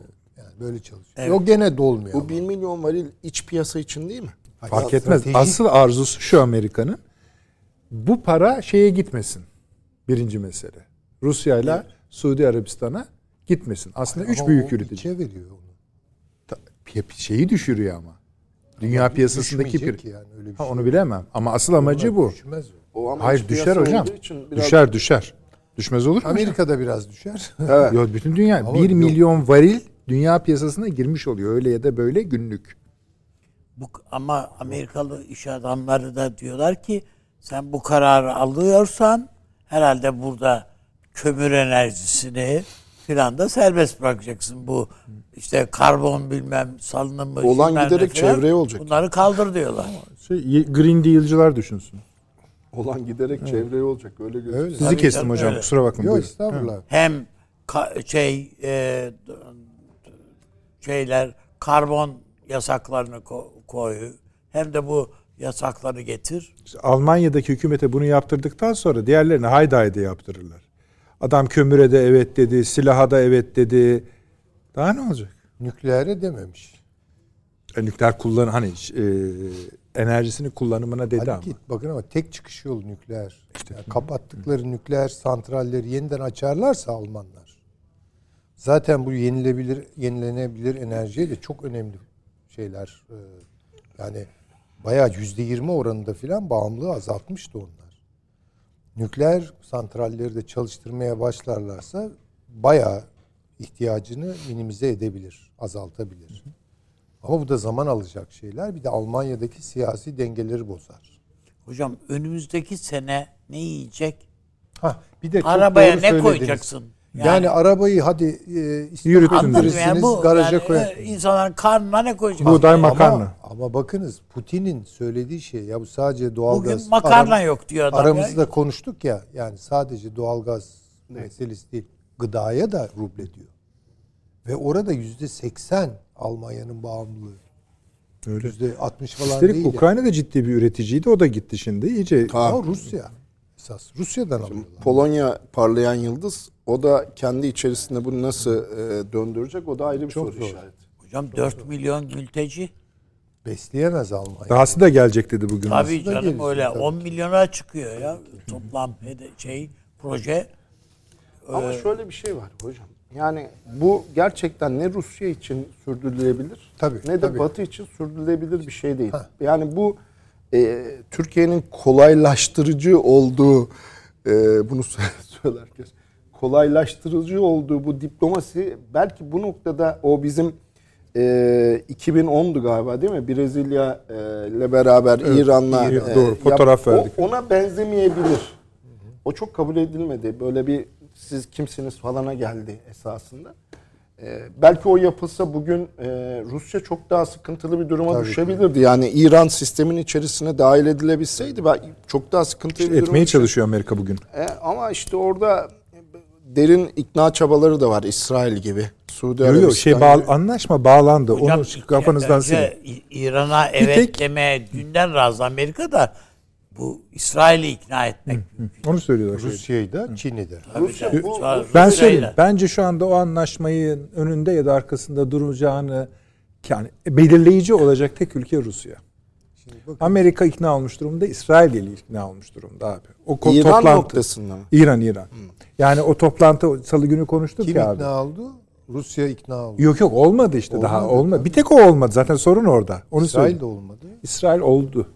Oldu. Vallahi hiç basın Basını ben boş verin. takip O, o anlaşmada ikna ettiler Yani onu. nükleer güç olmaya devam Yani etsin. şöyle nükleer silah yapabilmenin bir barem altında nükleer enerji üretebilecek demek ki ve İsrail buna evet diyor. Hayır, barem altında değil hocam. Yani onu o kadar e, arttırabilecek. Uranyum Viyana- ben zenginleştirmeyi Viyana. Anlaşması, İran Viyana dışında müzakereleri yapmayı için kabul söylüyorum. etme falan devreye giriyor. O Ama e, İran dışında Beş yapma falan bunlar anlaşmanın maddeleri içerisinde. Türkiye'nin de zaten imzalattığı anlaşma şey metinlerden biri Ama oydu. işlemedi yani. Tamam peki çok şey ben- yaptık. Her neyse yani ben Peki. e, Tamam onu da konuşalım. Bu da önemli bir şey. Önemsiz bir şeydi. Ben hani ana parçalardan biri kabul ediyorum İran'ı. Şimdi bunu şey gibi görelim. Hakikaten bir bilek güreşine oturdular.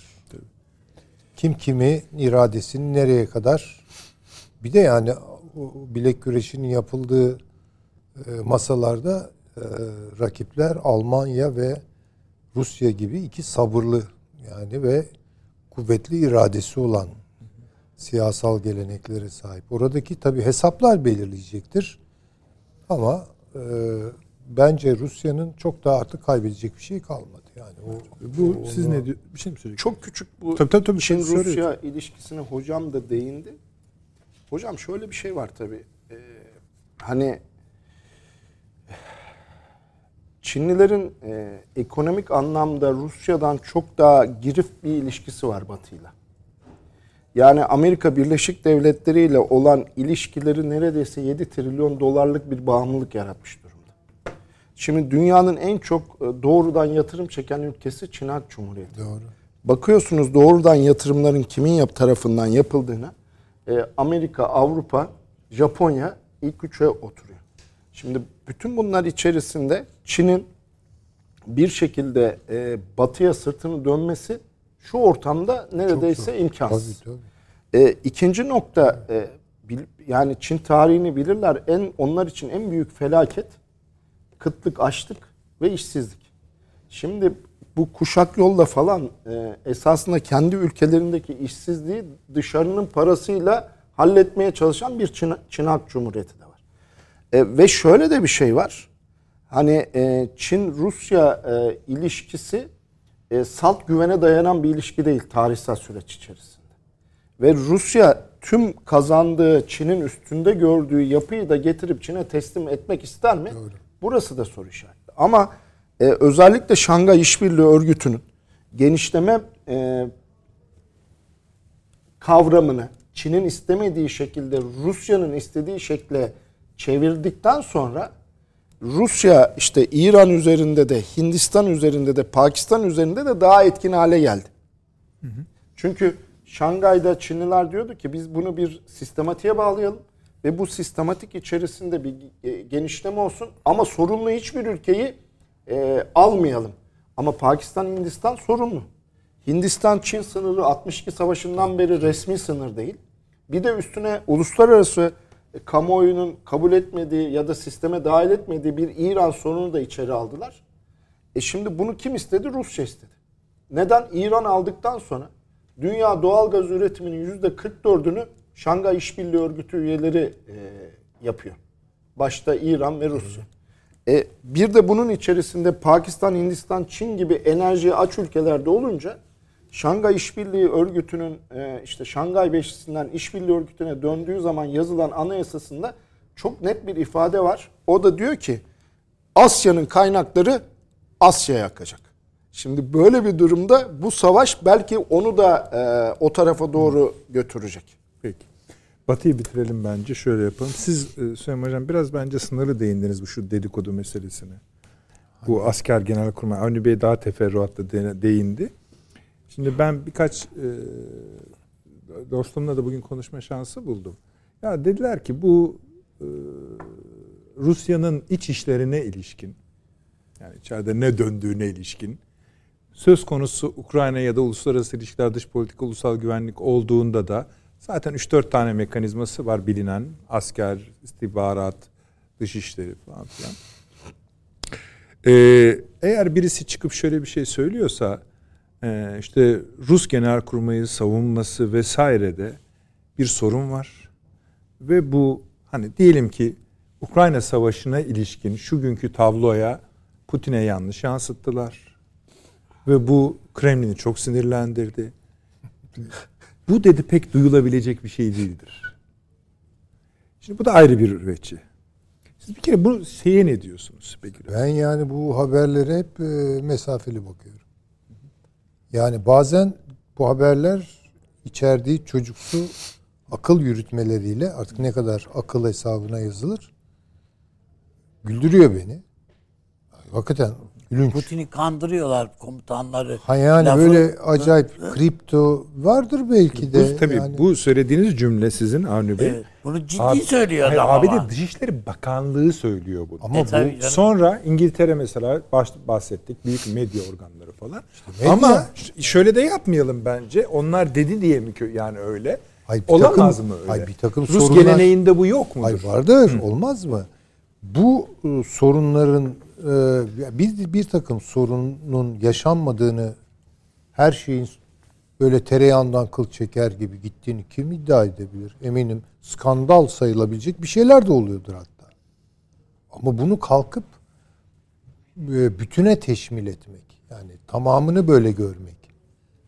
Ha şimdi bu şey gibi hani e, diyelim ki Türk marifinde yaşanan bazı skandal haberler falan var ya dün de hatta Sayın Bakan'la burada konuşuldu. Yani mesela işte bir öğrenci hocasına tokat atıyor.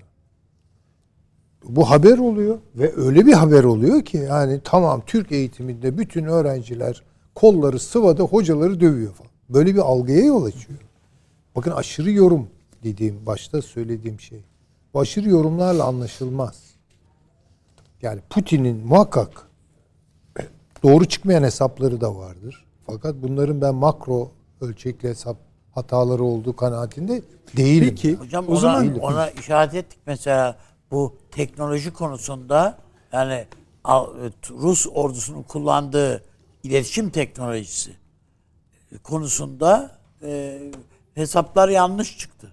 Yani Bilemiyorum O, yani. öyle Ben diyorsun. Bilemem yani. Mahal Savaşı konusunda biraz hantal bir ordu olduğu ortaya çıktı. Yani ama meskun ama girmedi ki e, zaten mahal hani. çatışmasına girme ben gideceğim ve bu şeyi Grozny'yi nasıl aldıysam Kiev'i de öyle alacağım diye bir izahat bir açıklama Hocam yok. Amerika yani. o kadar muhteşem e, veya Almanya o kadar muhteşem e, te, son şey iletişim cihazları ve şifrelenmesi. Ama şimdi bakın ben de öyle Ruslar haber- diyorlar ki öyle- biz bizim şifreleri kilitlediler diyor. Ama şimdi ben de öyle haberler okudum ki batıdan gelen malzemeler hiç çalışmıyor. Bu da Rusların attığı bir yalan. Şimdi tabii bu Ukra- yani Kiev'e gönderilenleri mi söylüyorsun? Karşılıklı bir Tabii tabii. e, dezenformasyon. dezenformasyon savaşın en önemli Tamam, yani unsuru yani. itirazımız yok Oralara da bakın burada ben şu. haritaya yalnız baktığım zaman bir şeyin çok iyi gittiğini görüyorum. Ukrayna'yı Karadeniz'den kesiyorlar. Bitti. Ve Odessa'yı almadan asla durmayacaklar. Burayı da söyleyeyim. Tamam Hocam o bir doğru. orada şüphem var. Şöyle, şimdi e, 2007'de Ukrayna konusunda bir makale yazmışım ve e, hani önemli bir kurumun başındakine de bir briefing vermişim o makale üzerinde ve demişim ki Kırım tehdit altındadır. Rusya Kırım konusunda muhakkak Kırım'ı elde edebilmek için yakın zamanda girişimde bulunacaktır demişim. Neden demişim bunu? Çünkü Karadeniz'in en güçlü donanması Sivastopol'da ve e, orasında o dönemde 2017'ye kadar şeyi vardı. Süresi vardı. Bunu onu uzattılar. Şey e, Ruslar e, o verilen teminatı kabul etmedi Ukrayna'da. Çünkü 2042'ye kadar uzattılar falan. Kırım'ı aldıktan sonra Rusların ilerleyişine bakarsanız Donbas bölgesiyle Kırım'ın arasını birleştirmiş durumdalar. Ukrayna'yı Azak'tan azat ettiler. Azak'ı resmi bir Rus gölü haline çevirdiler. Ve böylelikle her ne kadar derinlik donanmanın oraya girmesini e, engellese de e, oradaki yapılanmayla e, bir koruganlık sağlıyorlar. Şimdi eğer Odessa ile beraber tüm Karadeniz'i keserlerse e, bundan sonraki süreçte hiçbir anlaşmanın e, masada imzalanabileceğini konuşamayız. Hani e, bunu Ruslar bu şekilde görüyorlar mı, görmüyorlar mı? Orasını bilemiyorum. Çünkü Niye konuşamayız? Onu da anlat da. e, çok net olarak hani e, nereden çekilecek Rusya? Çünkü e, Odessa çok önemli bir liman. Yani Karadeniz'in ticaretinin merkezi. Şimdi burayı Ukrayna'dan ayırdığınız anda o zaman bunu kabul yani bir anlaşmayı karşı tarafa kabul etme şansınız yok. Yani ben yaşayamayacaksam Evet. O yüzden o Kırım'ın üst tarafıyla e, Donbas'ı bağladılar ve Kiev'e yalnızca baskı yapıyorlar. Kiev'e girmiyorlar dikkat ederseniz. İki taraftan baskı yapıyor. Ama ana noktayı bitirdiler kendileri adına bence. öyle söylüyorlar. Yani birinci aşama dedikleri Bence. hocam bir şey Ee, söylüyordunuz. Tabii hocanın söylediği bir ihtimal düşünülür. Ben böyle doğrusu hiç düşünmemiştim. Ee, benim düşündüğüm ise şu. Karadeniz'den mutlak anlamda kesmek istiyor. Şu, o da şunun için. Ee, Ukrayna diye bir yer yoktur diyor adam. Biz o bizim biz zaten Bizim diyor. diyor. Tabii bizim bile demiyor. Yani biziz diyor. şöyle oturmayacak Rusya masaya. Yani Rusya orada bir şeyleri alıp geri çekilip işte aldım verdim oyununa girmeyecek. Rusya her neyi aldıysa ve neyi almak istiyorsa asla bırakmamacasına. Bu da işte Rus tarzı herhalde. Girdiği yerden çıkmayan bir Çıkmayan Rusya. bir, bir Rusya. Onun için öyle. O noktaya geldikten sonra Odessa'dan vazgeçeceğini ben doğrusu çok ihtimal vermiyorum ama tabii sonuçta hocanın da söylediği, benim de söylediğim bir anlamda buzdan yazı yazıyoruz eldeki veriler noktasında. Ee, ben öyle görüyorum. Kiev'i ise yani bence Ukrayna'yı Ukrayna'ya diz çökürme, çöktürme fikrinden asla vazgeçmiş değil. Teslimi istiyor. Teslim olmasını Oradan istiyor. geri bir adım yok. Ben tam Geri o bir adım yok. değilim. Hocam ma- hakkı veriyorum esasında da istiyorlar da yani Gönül ister biz de ama. hayır yani bir mesela iki tarafta da ya mesela Rusya'nın yendik deme yani yen biz bu savaşta yendik kardeşim diye net bir şey olmadığı takdirde Putin'in savaşı bitirmesi söz konusu değil. Yani kesin bir galibiyet, zafer Putin için gerekli. Ukrayna açısından bakıldığında veya Batı açısından da bakıldığında biz yenilmedik diye bir şey var. Ve Amerika'yı hala tatmin etmeyen bu. Ee, Yani yenilmedik diyorlar ve e, ama e, ortadaki somut şey öyle değil. Valla hocam şöyle bir şey var. 2008'de Kosova krizi ortaya çıktığı zaman şunu e, yazarak vermişim. Bundan sonraki hiçbir uluslararası sistemde hiçbir şey eskisi gibi olmayacak. Kosova ortaya Tamam çıktı. buna Kutaycığım tamam da yani şunu da şunu ne- çözemiyoruz. Sen bitir yine ben sana söz Bak- vereceğim merak etme. Yorumcu değilim ben. Moderatörüm biliyorsun burada sadece. Yani bir tek ben şu anda yani bütün konuşmaların çıktığı tek bir yer var. Bütün yani her şey masada da tamam, yazılarda da tamam, şu da tamam, bu da tamam. E niye o zaman hani helva yapmıyoruz? E Amerika sevmiyor çünkü. Bu benim anladığım hala bu. Rusya da ama. işte. O da Sadece yani- hı. istemiyor. Rusya elde e- etmek istediklerini sonuna kadar elde etmedikten sonra ister Amerika bitirmeye çalışsın falan bitirmezler o savaşı. Tamam. Yani Eksik parçayı da söylediniz zaten. Yani onlar için eksik kalan yeri de öyle. Tabii. tabii. Ben öyle görüyorum. Yani o hattı tam manasıyla Karadeniz hakimiyeti. Yüzde yüz istiyor bunu bu sefer. Kendi Bir de- açıkladı. Yoksa Türk Gölü olacaktı dedi Ee, Karadeniz. tabii, yani. tabii. Ya Rus gölü olacak diyor şimdi. Bir de şeyle herhalde onu hocam ne der bilmiyorum ama Transdinyester bağlantısı. ve Ha, Moldova. tamam. Moldova'nın. Moldova bölümünü söylüyorsunuz. E, tamam. Şimdi niye Kosova? Ee, 2008'de Kosova hikayesi çıktığı zaman dedim ki egemen bir devletin topraklarında bir halk bağımsızlık ilan ediyor. Evet orada Sırpların yaptığı e, hani Evet. mezalimi falan bir tarafta tutarak söylüyorum. E, bunu alıyorsunuz Birleşmiş Milletler'e getiriyorsunuz. Birleşmiş Milletler e, Adalet Divanı'na sevk ediyor ve orada e, Oylama o yapıyorsun. şöyle yani hiç olmayacak bir karar çıkıyor. Evet. Yani diyor ki işte her halkın kendi adına bağımsızlık e, ilan etme hakkı e, uluslararası hukukta vardır gibisinden bir şey çıkıyor, madde çıkıyor ve o dönem e, Putin dedi ki yapmayın bunu. Birleşmiş Milletler Genel Kurulu'na götürdü e, Sırbistan. Yapmayın bunu çünkü hepimizin içerisinde olabilecek bir yapıdan bahsediyorsunuz.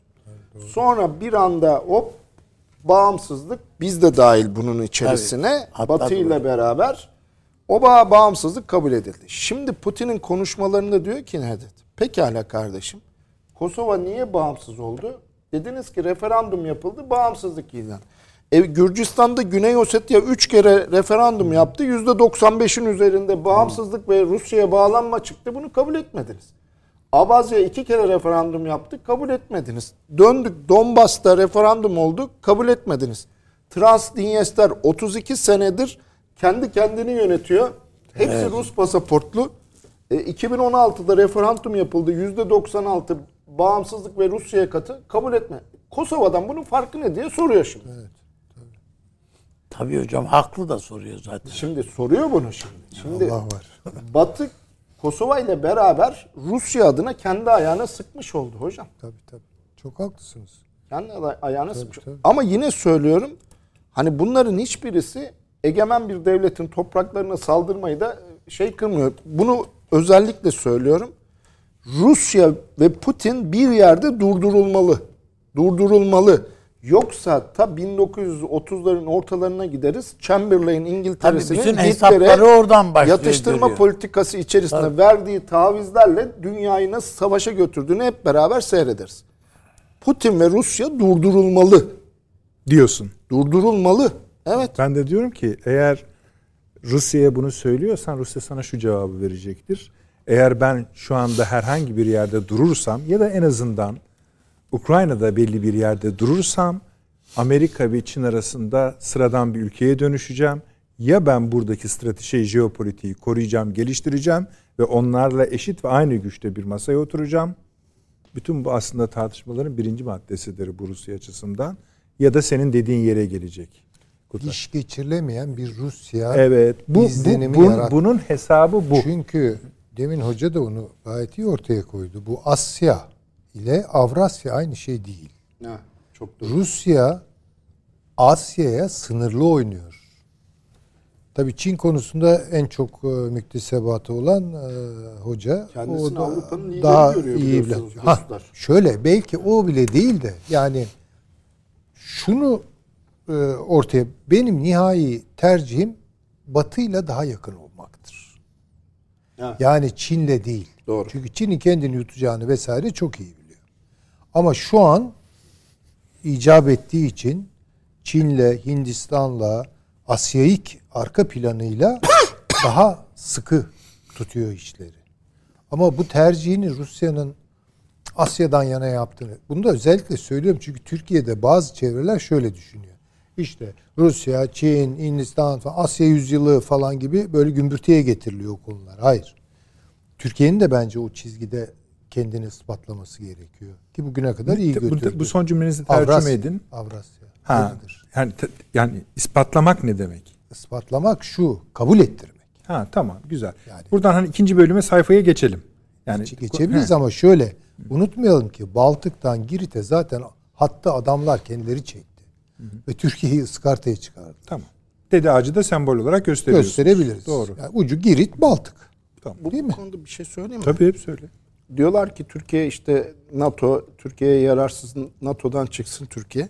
Yok, niye yok, niye Yok, ni- niye NATO lazım biliyor musun? Kendimizi NATO'dan korumak için Ha, NATO üyesi olarak tamam, kalmalıyız zaten ya. Aynı Not şeyleri düşünüyoruz. Tamam, buyurunuz sonra. Aynı şeyleri. Zaten o NATO'ya e, üye olmamız bizim Avrasya'daki yani Avrasya coğrafyası derken Asya ile çok teknik anlamda kullanıyorum. Avrupa arasındaki o hat. Buna Rusya dahil. İşimiz bizim bundan sonra daha çok Rusya ile. Bunu görelim. Altımız Ama Rusya, üstümüz, Üstümüz Rusya, oldu Rusya. hocam. Ama şu da var. Yani bunu yaparken Türkiye'nin en sağlam dayanaklarından biri NATO üyeliğidir. Peki bu Yani Türkiye Kriz. basketbolda şey vardır ya eskif.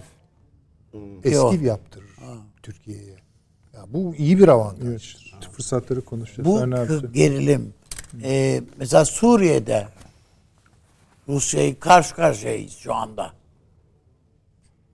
Bizi Rusya nezdinde daha rahatlatacak bir tablo üretmeye şey yapar mı? Sevk edebilir mi? Siz cevaplayın yine. E, hocam e, şeyin Schopenhauer'un kirpi teoremi var. Bunu insan ilişkileri üzerine kullanırlar biliyorsun. Freud da kullanmıştır. Bugün Rus-Türk ilişkileri de bu kirpi teoremi gibi. Kirpiler soğuk havada donmamak için dip dibe gelirler. Belli bir zaman sonra dikenlerinin birbirlerine battığını görürler, çekilirler. Bu sefer donmaya başlarlar. Evet. Öyle bir yerde dururlar ki ne diken batar ne de donarlar. Evet. Şimdi Türk-Rus ilişkilerde Aynen ne diken böyle. batıyor ne de donuyoruz. Anlatabildim mi? Yani bu, bu şekilde devam ediyor. Ve bunun böyle gitmesi de Türkiye adına çok yararlı. Tabii. Yani Evet. Bunu da söyleyeyim yani. Hüseyin Yani hocam. mutlaklarla düşünülmüyor. NATO'dan çıkan bir tam bağımsız falan böyle bir şey yok tarihte. Herkes birbirine çok bağımlı da. Hele şimdiki sistemde, Hele herkes sistemde yani bağımlı.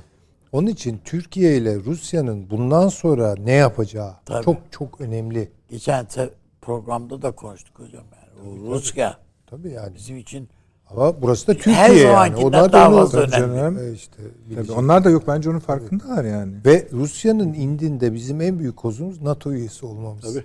NATO'dan bir çıksak Rusya bizi bir sinek gibi görür. Ben söyleyeyim.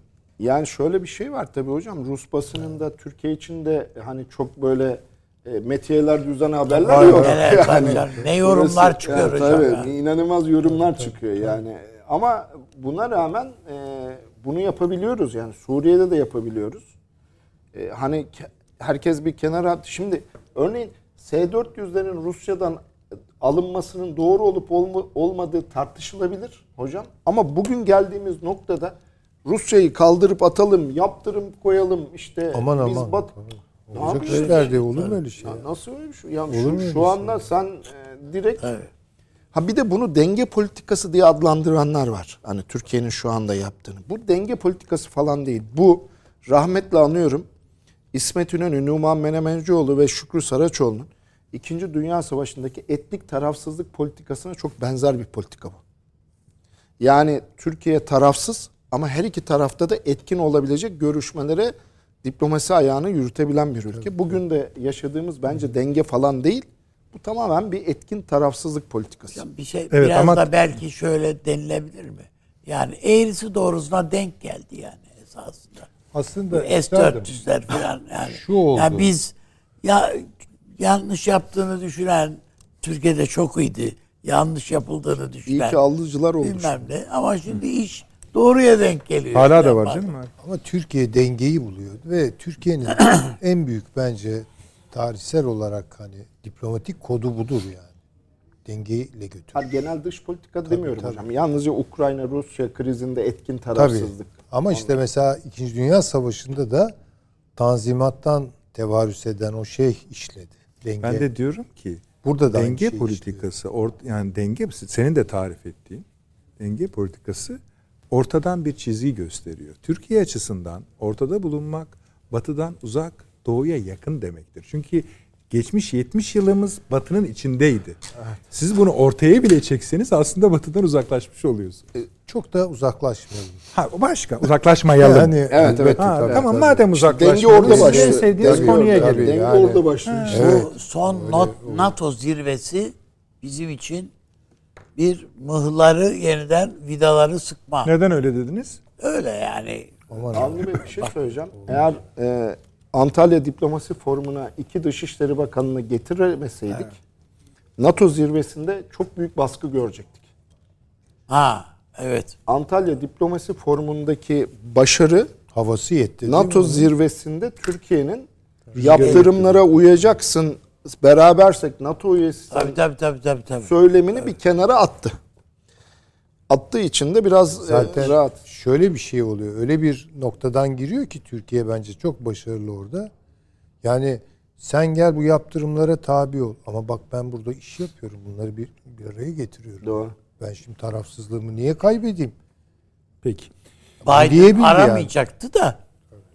Ondan Cevabı sonra adam pratikten nereye verdi. gidiyor bu, bunlar diye mecbur kaldı. Doğru aramıyordu. Aramayacaktı da. Mecbur Evet, kalıyor yani. mecbur kalıyor. E, bu da bir şey.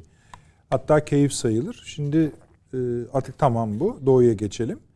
E, bilhassa Süleyman Bey'in en sevdiği ve en sevmediği ülkelerin bulunduğu portföyü açalım. Ben hepsini çok severim. Niye öyle dedin? İngiltere hiç, başta İngiltere olmak üzere diyorsunuz. İngiltere'yi de severiz. canım. Eksik olmayın. E, Ben bir tek şeyi burada Tabii, eklemek istiyorum. Bu tabii tabii. e, şey garantör tartışmalarında yani şu anda kimsenin elinde bir barış projesi yok. Yok evet. Sorun Yani yani Kıbrıs için veyahut da yani ne e, efendim bir Dayton projesi var. Ne Kofi Annan metni var el, elde. Alın bu bir barış projesidir diye.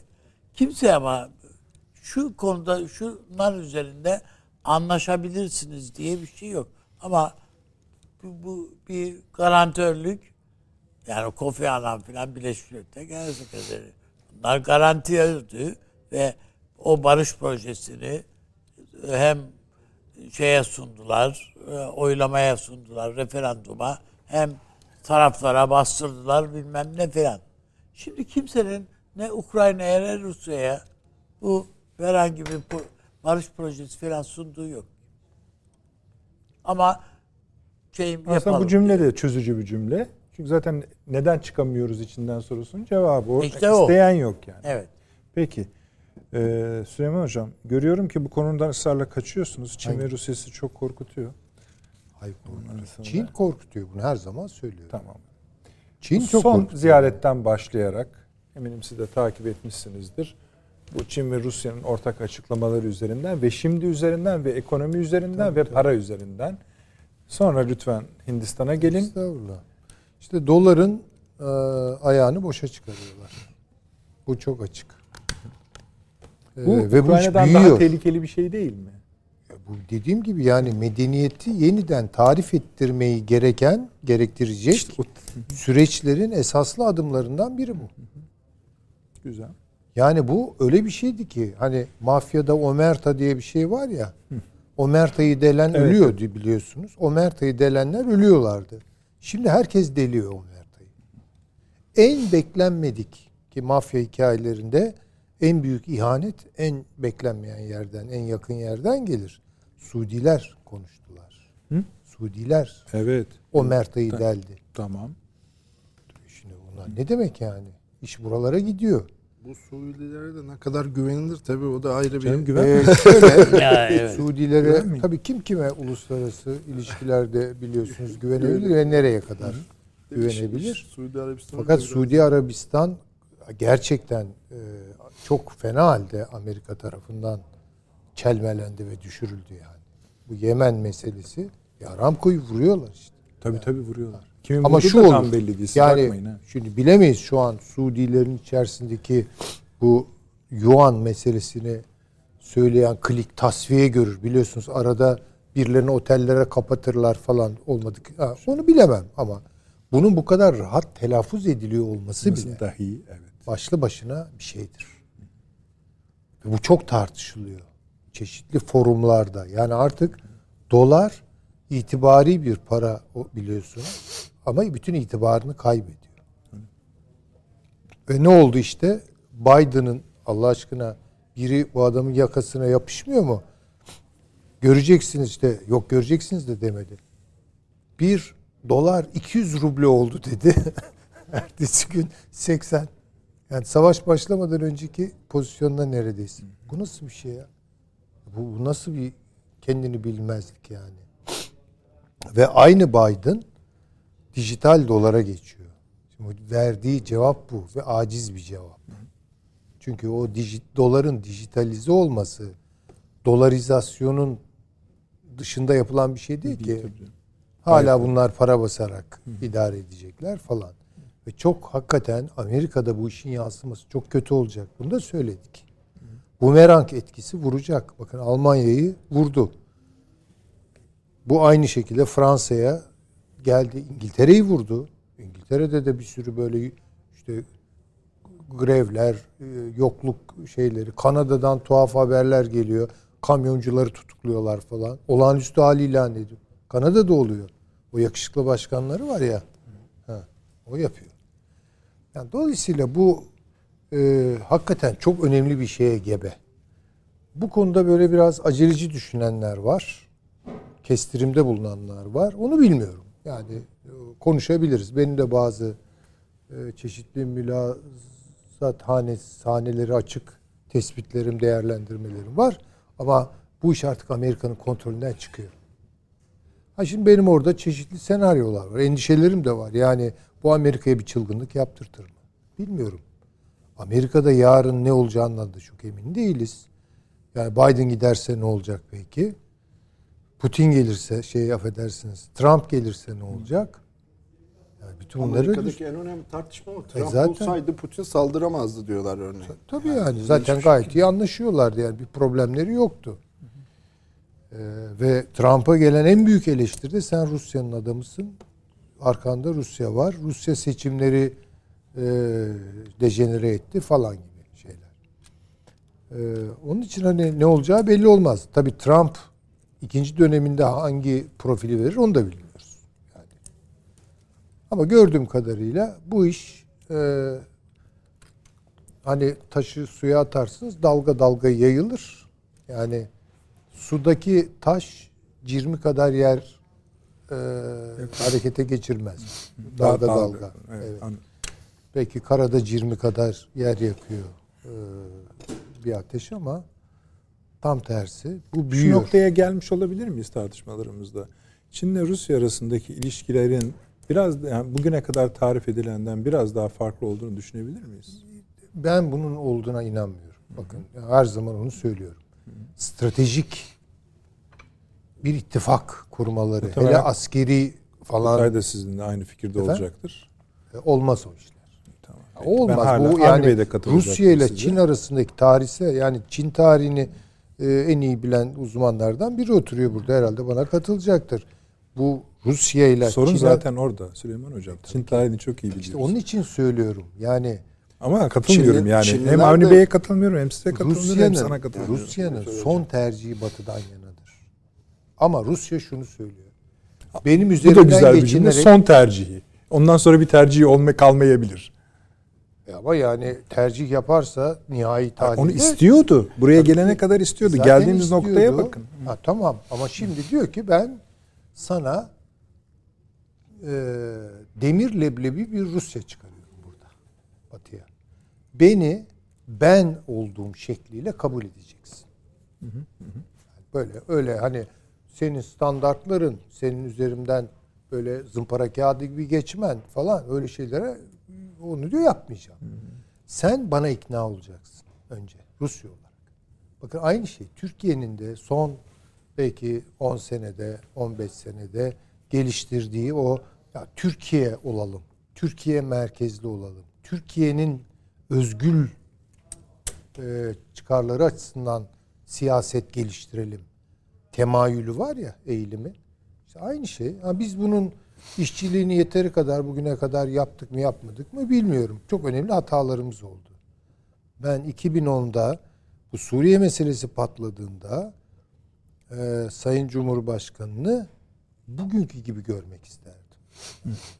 Orada bir dakika biz buranın abisiyiz bir duralım bakalım falan. Orada birileri bir manevralar yaptılar. Ve gene çok utanarak hatırlıyorum bir Türk olarak. Libya'yı bombalattılar bize. Evet evet. Bu korkunç bir şey yani. Buna bir şey diyemem haklısınız yani. Evet, yani bu Çok çok doğru. bu bunlarla tabii çünkü gömleği yanlış iliklemeye başladık. Ha, şurada iyi tutturduk da şimdi bir şey yapmak zorundayız.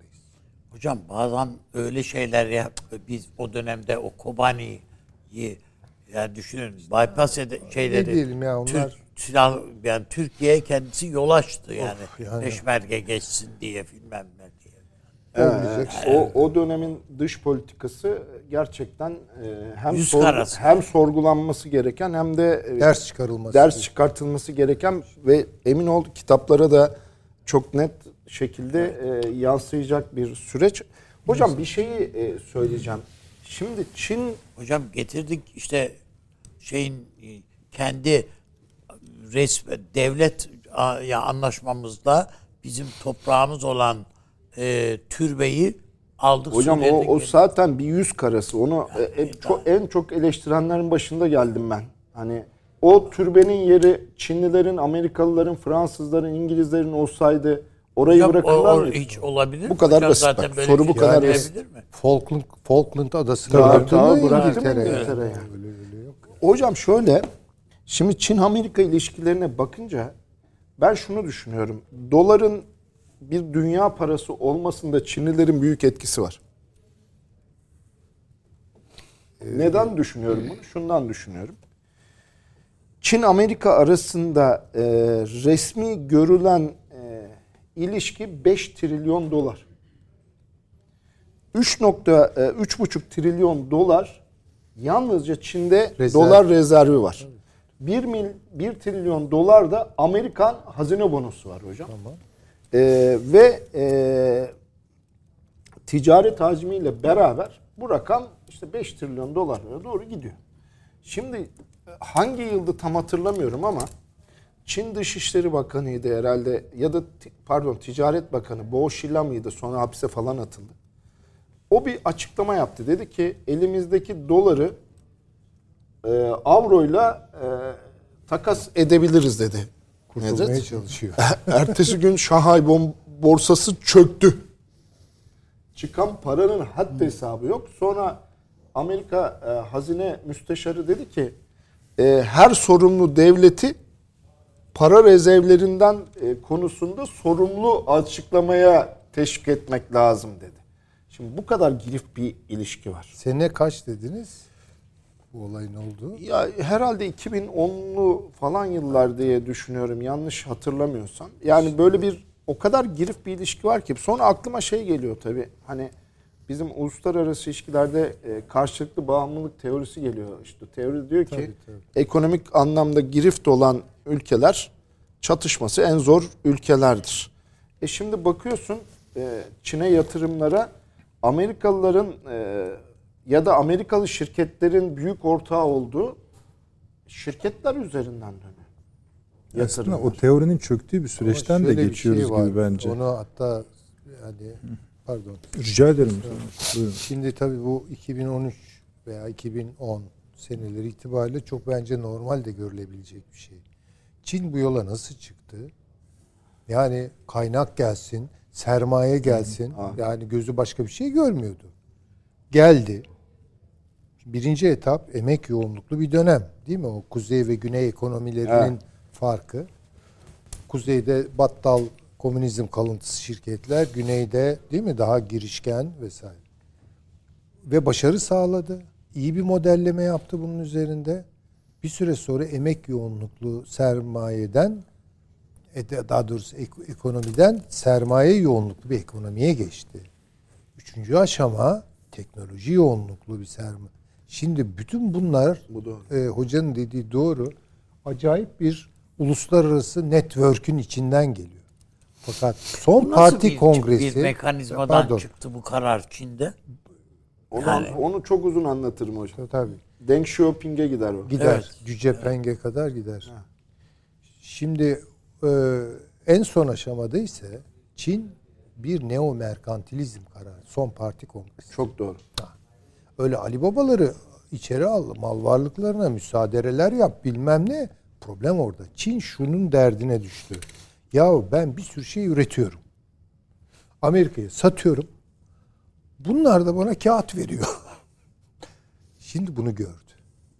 Ve bu stoklardan kurtulmak istiyor. Yani ne pahasına olursa olsun. Çünkü karşılığı yok o paraların. E tabii O kağıt kağıt, hazine kağıt, kağıt dedi. yani. Bildiğiniz kağıt ya şöyle bir kağıt. Ama bu ara Çin üretim yapıyor. Dünya kadar mal çıkarıyor.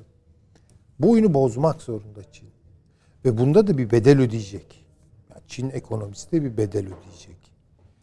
Ama Çin buradan artık çıkmak zorunda. Böyle devam ettiremez. İşte onun için e, Rusya'nın dolardan kurtulma ve aynı şey Rusya için geçerli yani. Petrolü veriyor, doğalgazı Ama Çin veriyor. açısından baktığınızda hocam Rusya bir kurban gibi. Yok o kadar değil üstadım. Yani Ee, ciddiye alırlar onu. Bu Onu bu bu alırlar. noktada biraz katılıyorum ben size. Öyle bakıyorlar. e, şimdi Rusya'dan Yani o, onu onu bir deneme tahtası gibi görüyorlar. geçen bir yazı okudum. E, hani Çinli birisi yazmış bu yazıyı. E, Rusya'yı diyor ham madde konusunda e, satamadığı ham maddeleri ucuza alma konusunda ya da ç- ucuza Çin'e satma konusunda ikna edebiliriz. Bu ham maddelerle ürettiğimizi zaten Ruslar alacaktır diyor. Yani Hocam şeyi aklıma geldi siz konuşurken. E, Mao'nun e, Demeçleri kitabında e, Rusya'nın 68 Çekoslovakya olayından sonra hatta Joanne o sizde program öncesi konuştuğumuz evet. kitabında da var bu. Joanne diyor ki örneğin Nedet e, o kadar büyük bir Rus korkusu ortaya çıktı ki diyor. Pekin'deki başbakanlık ve dışişlerini beraber yürütüyordu. Aldık doğudaki dağların içindeki mağaralara taşıdık. Ben 6 ay Çin'i o mağaralardan yönettim diyor.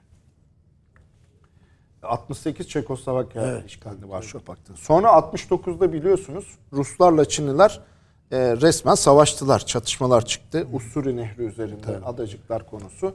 E, hatta işte Çin'in e, şu andaki Doğu Türkistan'daki bazıları işte bugünkü Kazakistan'a geldiler. Oradan topraklar falan çevrildi. Sonuçta e, baktığınız zaman örneğin Mao e, 70'lerin başında işte o e, Kissinger'a Nobel ödülünü getiren pimpon diplomasi sürecinde çok net olarak e, Rusya'yı revizyonist Rusya mı emperyalist Amerika mı bizim için daha yakın e, sorusunu bile kendi kendine sorduğu konuşmaları var. İşte o Nixon Nixon Kissinger ikilisinin o 72 ziyareti falan. Tabii. Ee, ve e, şimdi Rus-Çin ilişkilerinin hani tarihsel seyri ki bu uluslararası ilişkilerde önemlidir. Bu önemli değil demek yanlış olur. Ee, çok da güven telkin etmiyor. Etmez tabii. E, hocam e, Su-33'ü istedi e, Çinliler. Biliyorsunuz e, Rusya'nın en gelişmiş e, uçağıdır. E, işte bu hani eğlence gemisi yapacakları Varyak bir anda Liaoning oldu e, dünyanın. Bizim Tabii da tabii. Eğlence gemisiydi yani dalga geçtiler bütün dünyayla. Oraya bir uçak gerekiyor. Ruslar dedi ki kardeşim tamam şimdi bunlar çünkü 89'dan beri Tiananmen olaylarından beri e, silah ambargosuyla karşı karşıyalar. Rusya'dan başka da hani teknoloji alabilecekleri yer yok. Dediler ki ya biz neyi versek belli bir zaman sonra bu bir farklı bir şey çıkıyor ve bizim elimizdeki e, şey de gidiyor. Hani e, pazar da kayboluyor.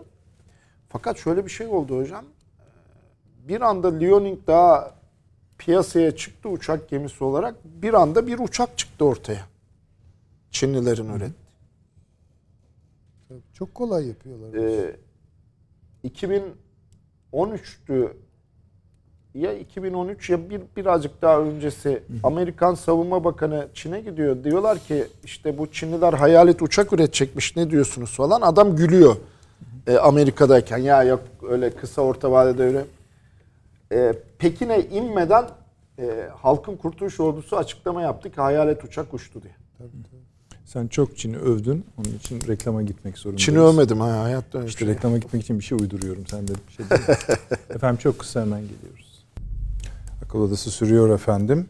Yani zaten tırnak içinde söylüyorum Süleyman Hocam. Hani Evet. seyircilerimiz yanlış anlamazlar. Bizi bilen biliyor. Rusçumuz vardı. Bir Çincimiz oldu.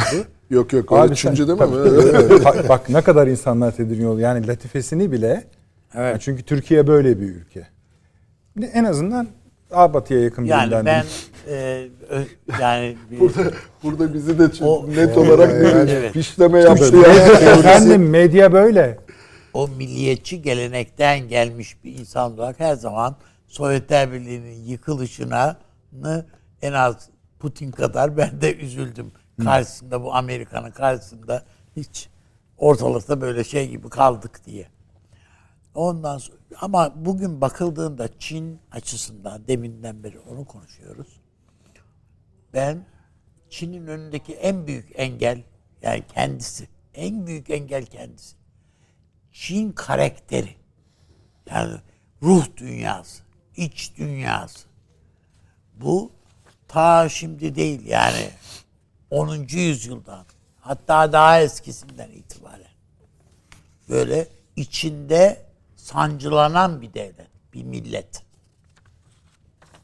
Bu öyle e, şey gibi hani ahtapot gibi geldiği yeri böyle şey yapabilen, eriten e, filan filan bir yapı. Öyle kolay bir yapı değil. Yani hani hegemon dersin gelir hakim olur. Hayır hiç bu öyle değil. Bu yok ediyor. Ortada eritiyor, yok ediyor. filan.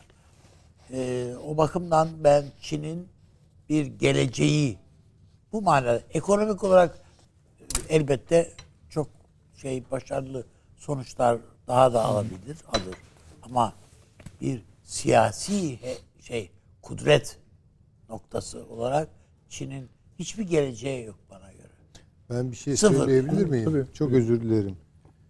Yani bir projeksiyon yapmam gerekirse bunu da ben kendi projeksiyonum hani için ne kadar bir yere kadar doldurabilirim de bir yerden sonra dolduramayacağım ben de biliyorum. Ama şunu söylemeliyim. E, 21. veya 22. asrın bir medeniyeti olacaksa ne kadar öyle tarif görür ve onu hak eder onu bilmiyorum ama bir tür Hindistan batı sentezi olacak bu. Hindistan. Batı sentezi. Ha Hindistan batı. Yani batının bir takım değerleriyle Hindistan'ın çok zengin kültürel dünyası arasında zaten geçişler var, yakınlaşmalar var. Yahudi Menuhin'le Ravi Tamam. Shankar'ın verdiği o Doğu Konserler Batı konseri falan yani o odur. Çin arıza hakikaten tarihsel olarak arıza. Ama bakın bunu söylediniz. Hindistan İngiltere meselesine değinmediniz yani. Değinebiliriz. Yani işte hani işte- şu Hepsi zaten- bir anda bir yerde toplanıyor. Bence Çin'in işte Rusya'ya şöyle yakın destek veriyor. Şu bu falan bu. Daha önemli olan Hindistan. Hindistan destekliyor şu ana kadar. Ve esas büyük destek orada. Rusya'nın arkasında. Şimdi o desteği İngiltere çözmeye çalışıyor. Pakistan. Çünkü Rusya şunu yaptı. Çin'le Hindistan arasındaki sorunları bir an evvel önleme, yani ortadan kaldırmalıyız dedi Lavrov. Daha savaş başladı ikinci gün.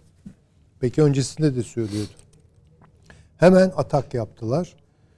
Hindistan'la Pakistan arasındaki sorunları çözmek.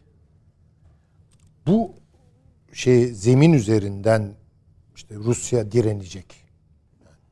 Ama şimdi tabii İngiltere bırakır mı yani? Gördü girecek. İşte Pakistan'ı kaşıyorlar. Hindistan'a gidip geliyorlar. Yarın Biden çekilir, Kamala Harris gelir, o gelir gider. Böyle Hint orijinli bir takım diplomatlarla gidiyorlar. Çok önemli bir şey söyledin. Bu son anketi görme O- fırsatı buldunuz mu Süleyman Hocam? Yeni yayınlandı. Amerika'da Türkiye basınına da biraz yansıdı. Hem Trump'ın e, Biden'la hem de Trump'ın Kamala Harris'le e, Çalışıyordu. Karşı 6 puan şeyden yukarıda, Biden'dan. e, 9 puan şeyden yukarıda. İlginç olan o. Bunu Harris'ten. bilemiyorum Harris'ten tabii. yukarıda. Yani e, Amerikalıların anketi yani. Biz de çok kim bilen- yapmış, nerede yapmış onu bilmiyorum ama yani bunu zorlayacaklar.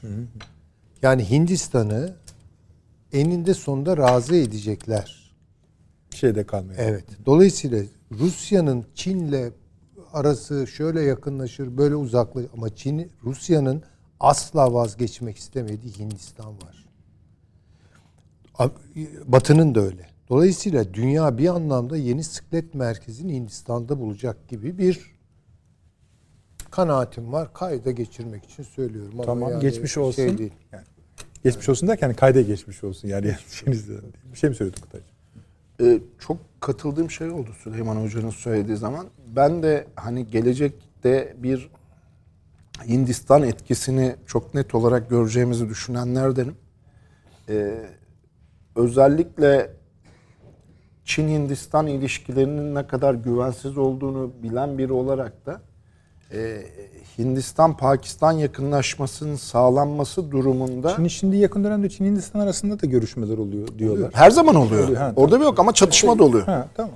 Yani sınırda çatışıyorlar. Askerler birbirini yani öldürüyor falan. Telafi edici Ama görüşmeler. Kaç bin kilometrede değil mi irtifa bir de yani. Şeyi hiç unutmazlar biliyor musun? Yani 54'te başlayan Nehru, Joenlai, 55'te bağlantısızlar hareketi bir anda e, 62'de Nehru kendisinin kandırıldığını, Çin'in hiç saldırmayacağını düşünüyor adam. Yani böyle bir şey yok diyor. Nereden çıkartıyorsunuz diyor muhalefete. Bu nereden çıkarmıyor? Hoppa bir, bir, bir anda ortalık karma dum- darmadağın oluyor. Hiçbir zaman da unutmazlar bunu. Ee, o e, Hintli generallerin falan yazdıkları kitaplarda bir baksanız Çin, Çin e, hani e, amansız bir ejderha yani ne zaman alev çıkartacağı belli olmayan bir yapı olarak görülür. Ama bu algı e, Güneydoğu Asya ülkelerinde de var. Asyan ülkelerinde de var. Yani evet ekonomik olarak Çin'le çok yakın çalışıyorlar. İşte e, ASEAN Plus China, e, işte ASEAN Plus Japan bütün bunları yapıyorlar ama hani ne kadar güvenli, Japonlara ne kadar güvenmiyorlarsa Japonlara da güvenmezler. Güvenmezler tabii. Ama Çinlilere de bir o kadar güvenmiyorlar. Bir de bir şey söyleyeceğim. Tam 2017'de ben Pekin'deydim. Ee, Çin Komünist Partisi'nin toplantısının olduğu o geleneksel 23. müydü 20. miydi? 19. Parti kongresinde Xi Jinping 3 saat 6 dakika konuştu tam. 3 saat 6 dakika. Yani meşhur konuşması. Orada Orada konusunda da kimse itiraz et. Evet kimseyi ta- Orada ikiye böldü Çin'in gelişimini hocam. Birinci parti 2035'e kadar. Bu birinci partide neler var diye bakarsanız Xi Jinping'in bence en önemli başarısıdır Çin'de. Yolsuzlukla mücadele. Evet. Refahın e, daha da çünkü Şangay'a bakıyorsunuz neredeyse 30 e, bin küsür, ot- 35 bin küsür e, kişi başı düşüren gayri saat milli hasılara çıkmış. Ama merkez Çin'e geliyorsunuz 2500 dolar hala. Biraz daha Doğu Kuzey- Türkistan tarafına gidiyorsunuz orada da 3000 3500 dolar civarı. E, bu dengesizliği kaldıracaklarını söylediler. Ama bir şey söyledi hocam. Dedi ki Çin'in içerisinde ayrılıkçılara, terörizme hiçbir şekilde müsamaha etmeyeceğiz. Ve dedi ki biz Çinliler için kan ba- bazen dedi sudan daha incedir. Yani resmi bir te- ondan sonra biliyorsunuz o meşhur e, toplama kampları falan e, ortaya çıktı. Hemen söyleyeyim. Adam ırkçılığın felsefesini yapıyor canım orada. Hocam bir, bir e, Ekim 2049'da dedi hocam tüm Çinlilerin gurur duyacağı bir süper güç ortaya çıkacak dedi. Şimdi beni ilgilendiren taraf burada. Çünkü Deng Xiaoping'in hocam sordu ya Çin bu nasıl buraya geldi diye. Deng Xiaoping'in 3 kavramlı büyük stratejisinin içerisinde ekonomik güç olmak var. Sonra Tayvan'ı ana kıtaya katabilip bütün enerjiyi içine akıtmak var. En sonunda da bunları askeri güce bağlayıp süper güç olmak var. Ama bunu söylediği zaman Deng Xiaoping aynı zamanda şunu söylüyor. Amana, amana en son noktaya gelene kadar yani artık güç olacağınız kesinleştirene kadar Büyüdüğü gün siz söylemeyin, söylemeyin. söylemeyin. Kesinlikle söylemeyin. Ya ortalık yıkıldı. Kazanacağınıza inandığınız ana Evet. kadar. Ortalık yıkıldı. Çünkü orada bir aksakallı grubu var biliyorsunuz. Eski devlet başı Jin Zemin, Hu Jintao. Bütün bunlar ayağa kalktı. Sen nasıl bunu söylersin? Süper güç nereden çıktı? Amerika süper güç. Biz değiliz. Nereden çıkartıyorsun bunu? Yani böyle ortalık karıştı. O yüzden hani e, ben Üstümüze saldırttıracaksın falan diye. evet evet sosyalizm eliyle kapitalizmi inşa ediyorlar şu anda. Peki. Avni abi senle bitirelim. Sen de kapanış cümlelerini söyle. Yani ben e, e, Çin aç- yani bizim zaten bu Hindistan meselesinde hocama katılıyorum. Bizim bu hani kardeş Pakistan meselemiz e, Hiç konuşamadık işte. Yani çok o hattı doğru. bağlamak istiyordum. Doğru ama biz Hindistan'a göz ardı ediyoruz. Yani bizim ne o var İmparatorluğu, abi. geçmişimiz, şunlar bunlar hepsini unuttuk biz. Hiç üstüne gitmişliğimiz yok. Üstelik de Türkiye'de Hintçe bilen de yok herhalde doğru düz. Yani araştıran araştıran da yok. Bu Hindistan neyin nesidir diye. 900 tane dil konuşuluyor hocam. ha, Biz yani çalışın efendim. e, yani bu öyle bir ülke ki e, İngiltere'yi yerle bir etti esasında. Şu anda tamam diplomasi olarak İngiltere evet. İşte Anglo-Sakson dediğimiz şeyin tepesinde bun, Amerika değil bunlar var. Ama kardeşim İngiltere'nin içi dışı Hintli. Yediği yemekten tut konuştuğu aksana varana kadar. Hepsi hepsi Hindistan'a bağlı. Her neyse yani ama bu Hindistan'ın etkinliğini daha da artacağını düşünüyorum. Ben de düşünüyorum. Peki. Ona inanıyorum. Ama Çin bela bela. Bana göre öyle. Yani Peki. daha da büyüyecek bu manada. Ee, yani yaptığı yapılan bütün anlaşmalar Çin'le yapılan bütün anlaşmalar işte şimdi İran'la falan anlaşmaları var biliyorsunuz. İşte şu kadar zamanda 40 milyar dolar yok bilmem 400 milyar dolar falan diye anlaşmalar var. Bunların hepsi fos anlaşmalar. Palavra. Niye abi? Öyle yani sonuç itibariyle ben Peki. bunların hiçbirisinin hayata ak- geçmeyeceği palavralar olduğunu düşünüyorum. Peki.